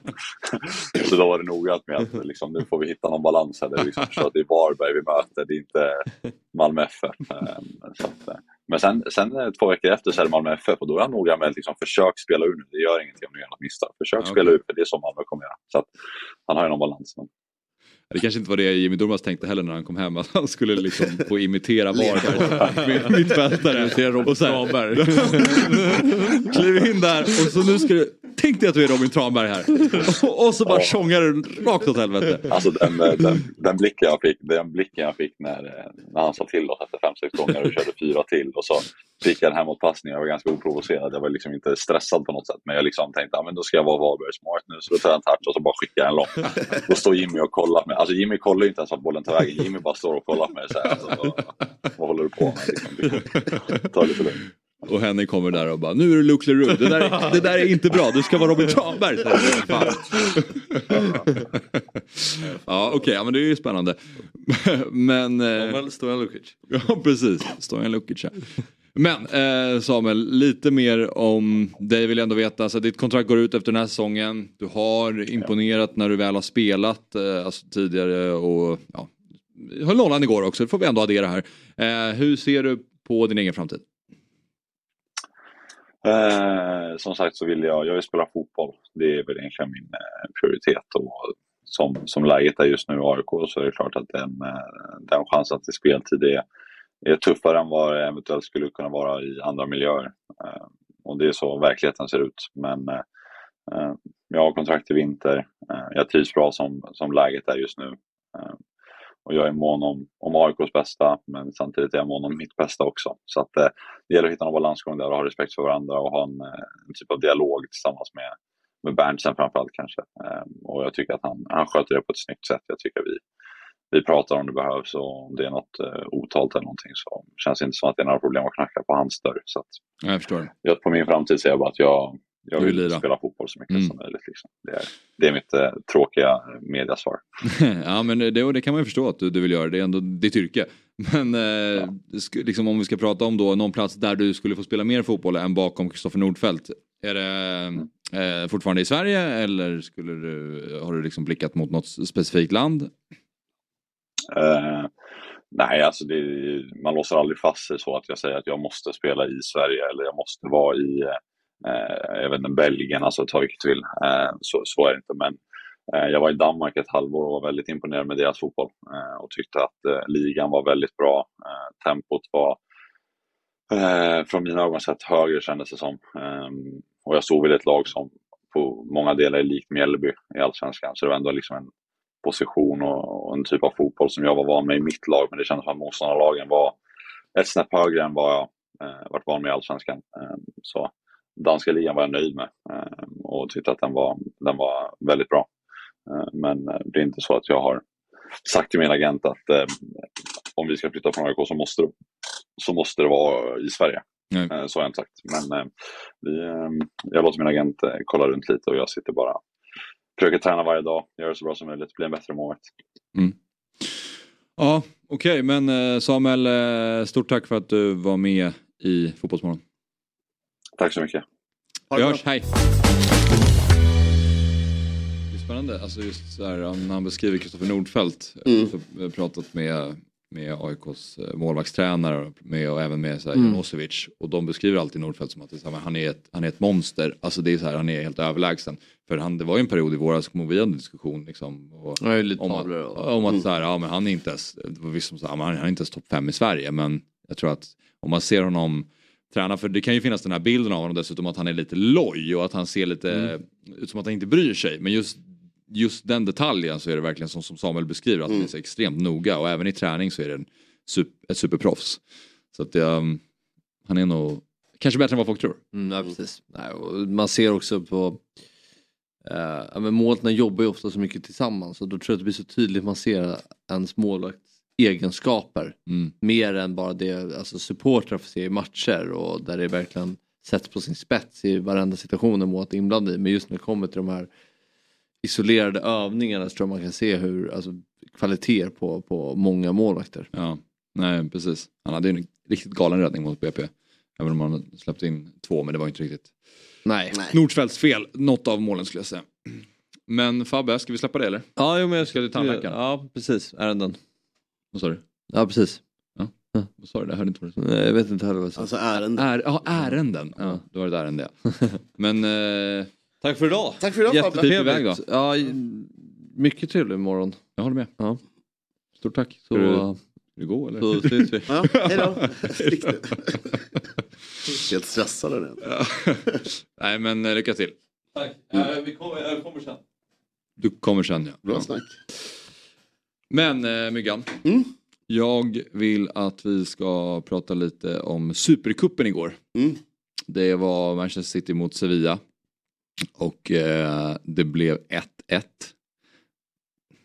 Det var kanske inte det roligaste matchen man sett eller? Nej, jag, jag, jag somnade faktiskt flera gånger. eh, några halv, Så halvsnurrade. då har vi pratat klart om det. Ja, det är färdigt. nej, nej, jag såg eh, första 30 och sådär och, och eh, jag saknade De Bruyne i, i City. Ja. Jag tyckte de behövde någon som eh, var lite mer finurlig. Ja. Det blev lite långsamt. Och sen att de var så himla, eh, kon, vad säger man, alltså, jag letar ordet här. De var dåliga på att stå, stå, stå att, de var dåliga på att liksom eh, Snabba kontringar var inget bra för dem. Alltså, Nej. Sevilla kunde Ja, okej. ganska lätt utnyttja det. Mm. Är det ute efter. Sevilla kunde kontra på City. Jag tyckte det. Ja. Eh, jag tyckte det var ganska ofta de kom igenom för att vara City. Mm. Men ännu en gång, jag, jag tror att det är tidigt på säsongen. Jag tror liksom där, de här matcherna kom liksom lite, fel för Ja. vissa lag. Mm. Särskilt City de som kanske siktar på Champions League och ska vara toppade Mm. oktober-november något ställe. Det var, lite, det var intressant att se ändå om man eh, pratar ur ett City-perspektiv till att börja med. Alltså, de startar med Guardiol då Mm. eh, igen och han smög upp lite i banan Mm. sådär som John Stones kan göra. Och, Jag känner igen det. ja, så han skulle, han var liksom den nya Stones i deras formation på Mm. något sätt. då. Och Stones var ju med i truppen den här gången i alla fall då, men han har varit småskadad vad jag förstår. Eh, det var inte kanske det jag tänkte som att hur Guardiol skulle använda Nej, inte Guardiol. alls. Inte alls. Jag, jag förstod inte alls att han skulle ha så mycket boll i sig Nej. som han då verkar ha. Ja, precis. Så att, nej, det är, Pep är en gång chockar en hel del. Men jag tycker hela, hela elvan sådär. Och det blev liksom lite för långsamt i, i, igår. Men jag tror att med De Bruyne, eller med någon annan lite mer, eh, med bättre fotbollshjärna. Så kan det bli rätt bra det där till slut. Men, men, men sagt vad, jag tyckte det var väldigt långsamt och väldigt eh, peppigt. På Mm. som inte är positivt. Liksom. Det var det var så här första gången som jag kände så här att, att City nästan hade en tunn trupp. Alltså de Mm. har ju en, de har ju en trupp som kostar hur mycket pengar som helst och det finns spelare på bänken som kan göra skillnad. Men det är ju, just igår så var det ju spelare framförallt eh, defensivt. Alltså de har På bänken Ruben Diaz, John Stones, Laporte, eh, Calvin Phillips, defensiv mittfältare. Och, och Rico Lewis också som har spelat lite grann, liksom, men också i grunden en försvarsspelare. Om man kollar offensivt av de som är lite mer stjärnan eh, på bänken, då var det Julian Alvarez. Det var han. Ja, som byttes in också. fort- Cole Palmer byttes ut. Du säger det, Palmer känns fortfarande, fast han är så duktig, känns det fortfarande som att det är någon... Det känns, om han spelar Carabao- så känns det som att det är rotation. Ja, exakt. precis så. Precis så. Riktigt sån Carabao Cup-omgång. Ja. Midweek eh, liksom. Så att än så länge känns det så. Men, men eh, som sagt var, man man har lärt sig lite av Pep så att han har säkert det här under kontroll. Men jag kände också att det var lite tunt. Ja, eh, Bernardo Silva ska ju vara nära att förlänga med City vad jag förstår Mm. i alla fall. Så han blev ju kvar och det, han känns viktig för dem. Mm. I synnerhet när eh, KDB är out. 100%. Ganska länge dessutom. Mm. Nej, det... Det är alltså fyra månader. Var det så pass länge? Jag tyckte det var det. Jag, tyckte, jag, jag, jag kollar på Sky News mycket, det, det, är bara, det är bara ticker på ticker så det är lite svårt att... Vilket är så här i efterhand när han själv står där i intervjun inför Burnley och säger jag blev överraskad över att jag ska starta. För att jag känner mig typ inte inte redo. hundra. Nej, det är. Bara skickar ut honom i elvan och så, så blir det ju så. Som han själv Det befarade. också man visste som. om att Burnley skulle vara så övertända så man vill inte riskera en sån kille i den matchen. Nej. Är om. Alltså, allting var emot. Så att, nej, den, den var väldigt underlig. Men jag, jag tror att den där Charlie Shield-förlusten tog hårdare på eh, egot än man trodde. uppenbarligen. Ja, hoppas verkligen. Det vore kul för ligans del om det var så att de fick en lite knackigare start nu. Mm. Alltså de slog ju Burnley ganska komfortabelt eh, men såg ju inte så här bländande ut ändå. Det var ju Erling Haalands briljans som gjorde att de vann. Ja, verkligen. Och Sevilla, Sevilla jag såg Valencia-matchen, de var ju ri- ri- rikskassa i helgen. Och så glada som City blev över att vinna en, en straffläggning mot Sevilla. Det förvånade mig en hel del. Ja, precis. Det var, eh, man sitter nästan där och bara så här. Ja, det lite så här- Är det här äkta känslor Ja, eller men, inte? Bryr de sig nej, exakt. verkligen eller inte? Efter Arsenals firande när de liksom Ja, de ville spela ner det. Jag tyckte Ja. det var töntigt. Så var det här kul att se hur de blev. Det var väldigt... Eh, Ja, men det här var ju tydligen då en titel som City aldrig hade vunnit förut. Så då kanske de därför vunnit förut viktigt. och de har ju ett eh, straffsparksproblem. Nu är ju Mahrez borta. Men de har ju... De missar ju lite väl mycket straffar Ja. ska jag säga. Ja. Konstigt mycket straffar.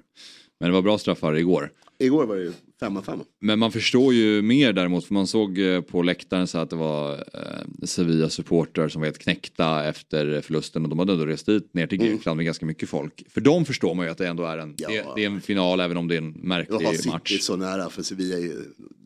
Det kommer inte hända. Nej exakt, för dem är det så här vi får ta alla chanser vi får. Ja, ja, ja, verkligen. verkligen. Men, eh, Nej, men jag är överraskad över, över Haaland och alla de här coola snubbarna. De var så jävla glada efteråt. ja. Det sa någonting. Ja, faktiskt. Men sagt var, det är, skit, det är kul för eh, Newcastle. Bra tillfälle att möta dem. Ja, Eh, precis. Lördag, lördag C-match. Väldigt bra tillfälle. Än så länge efter en omgång så står ju Alexander Isak och Haaland på lika många kassar. Mm. Så då tänker man att Isak kanske kan rycka lite nu då. Det är, ing- det inget fel att komma två efter Haaland heller i skytteligan. Det är inget fel att komma efter Haaland i skytteligan heller. Det ska man ändå vara nöjd med. Nej det är det faktiskt inte. Det, finns en, Bäst det där. tyvärr. Det finns en plats att fylla där nu när Ja. Harry Kane är, är borta. är. Ja, nej, men sagt var så. Jag tror för Newcastles skull skulle jag känna jäkla hoppfullhet. Mm. att få någonting från Etihad. Kanske då Pep ställer ut, liksom, visar att det här är, folk tror Ja men exakt. det kommer är- från en knackig match här i Sevilla och lite skakiga i inledningen. Torsk på lördag är inte bra. Nej. Så är det bara. Så att, nej, de, de måste nog gå för det. Så. Ja det får vi hoppas att de gör. att tänka på tipset sagt var. Man ska ha lite, lite kryss eller något Mm. med. Mm. Det kan bli kul. Och jag vill bara också hylla Sevilla här som ändå jag tycker är, gör en bra match. Alltså, eh, som sagt var, jätte, jättebra match. Jag, jag trodde att, jag, jag läste om en hel del. Eh, att de inte hade lyckats förnya laget sånt. Och såg de då i söndags. Men det här var ju superbra. Jättespännande. Ja precis, de eh, torskade ju hemma mot Valencia eh, i La Liga-premiären. Mm. Eh, och det kändes sådär. Sådär och liksom lite buade och det var segt. Och det kändes som att okej, tänkte jag, det här, de är kvar i den här svackan från Mm. förra året. Men det här var ju något helt annat. Ja, de har ju ett bra lag tycker jag. Alltså, så här, Enesiri är fortfarande någonstans den perfekta Sevilla-forwarden. För jag vet Ja, inte fan om nej, han nej, har någon nej. högre höjd i sig. Men han gör ändå ofta bra där. Och målet han gör är fan Ja, det är riktigt snyggt. Alltså. Är riktigt. Och de, de borde kunna gjort eh, ett eller två till också. De hade ju mycket chans på de här kontringarna. Mm. Eh, coolnessen var ju inte där uppenbarligen. Nej, nej, tyvärr, precis. Det var ju lite synd. Ja, vi, eh, vi säger så för idag och eh, innan vi rundar av så ska vi slå ett slag för Dobb-TV såklart. Eh, abonnemang på Dobb-TV kostar 79 kronor i månaden och just nu så kan man testa två veckor fritt genom att starta abonnemang och ange koden Fotbollsmorgon. Och såklart, prenumerera på vår YouTube-kanal. Snart så är vi där, vi når 17 000 inom kort och målet är 20 000. Då har vi Fabbe här i studion i sin Woody-outfit från Toy Story. Äntligen. Ja, precis. Mm. Imorgon är det fredag. Då är det Jesper Hoffman, Robin Berglund, Fabian Ahlstrand och Julia Ekholm. Vilket gäng. Ja, det är en bra line Den är fin. Är. Tack Myggan. Stort tack. Stort tack för idag alla som har tittat och alla som har lyssnat. Eh, nytt Fotbollsmorgon imorgon, imorgon som sagt 07.00. Fotbollsmorgon presenteras i samarbete med Stryktipset. En lördagsklassiker sedan 1934. Carlsberg, alcohol free. What's your game day ritual?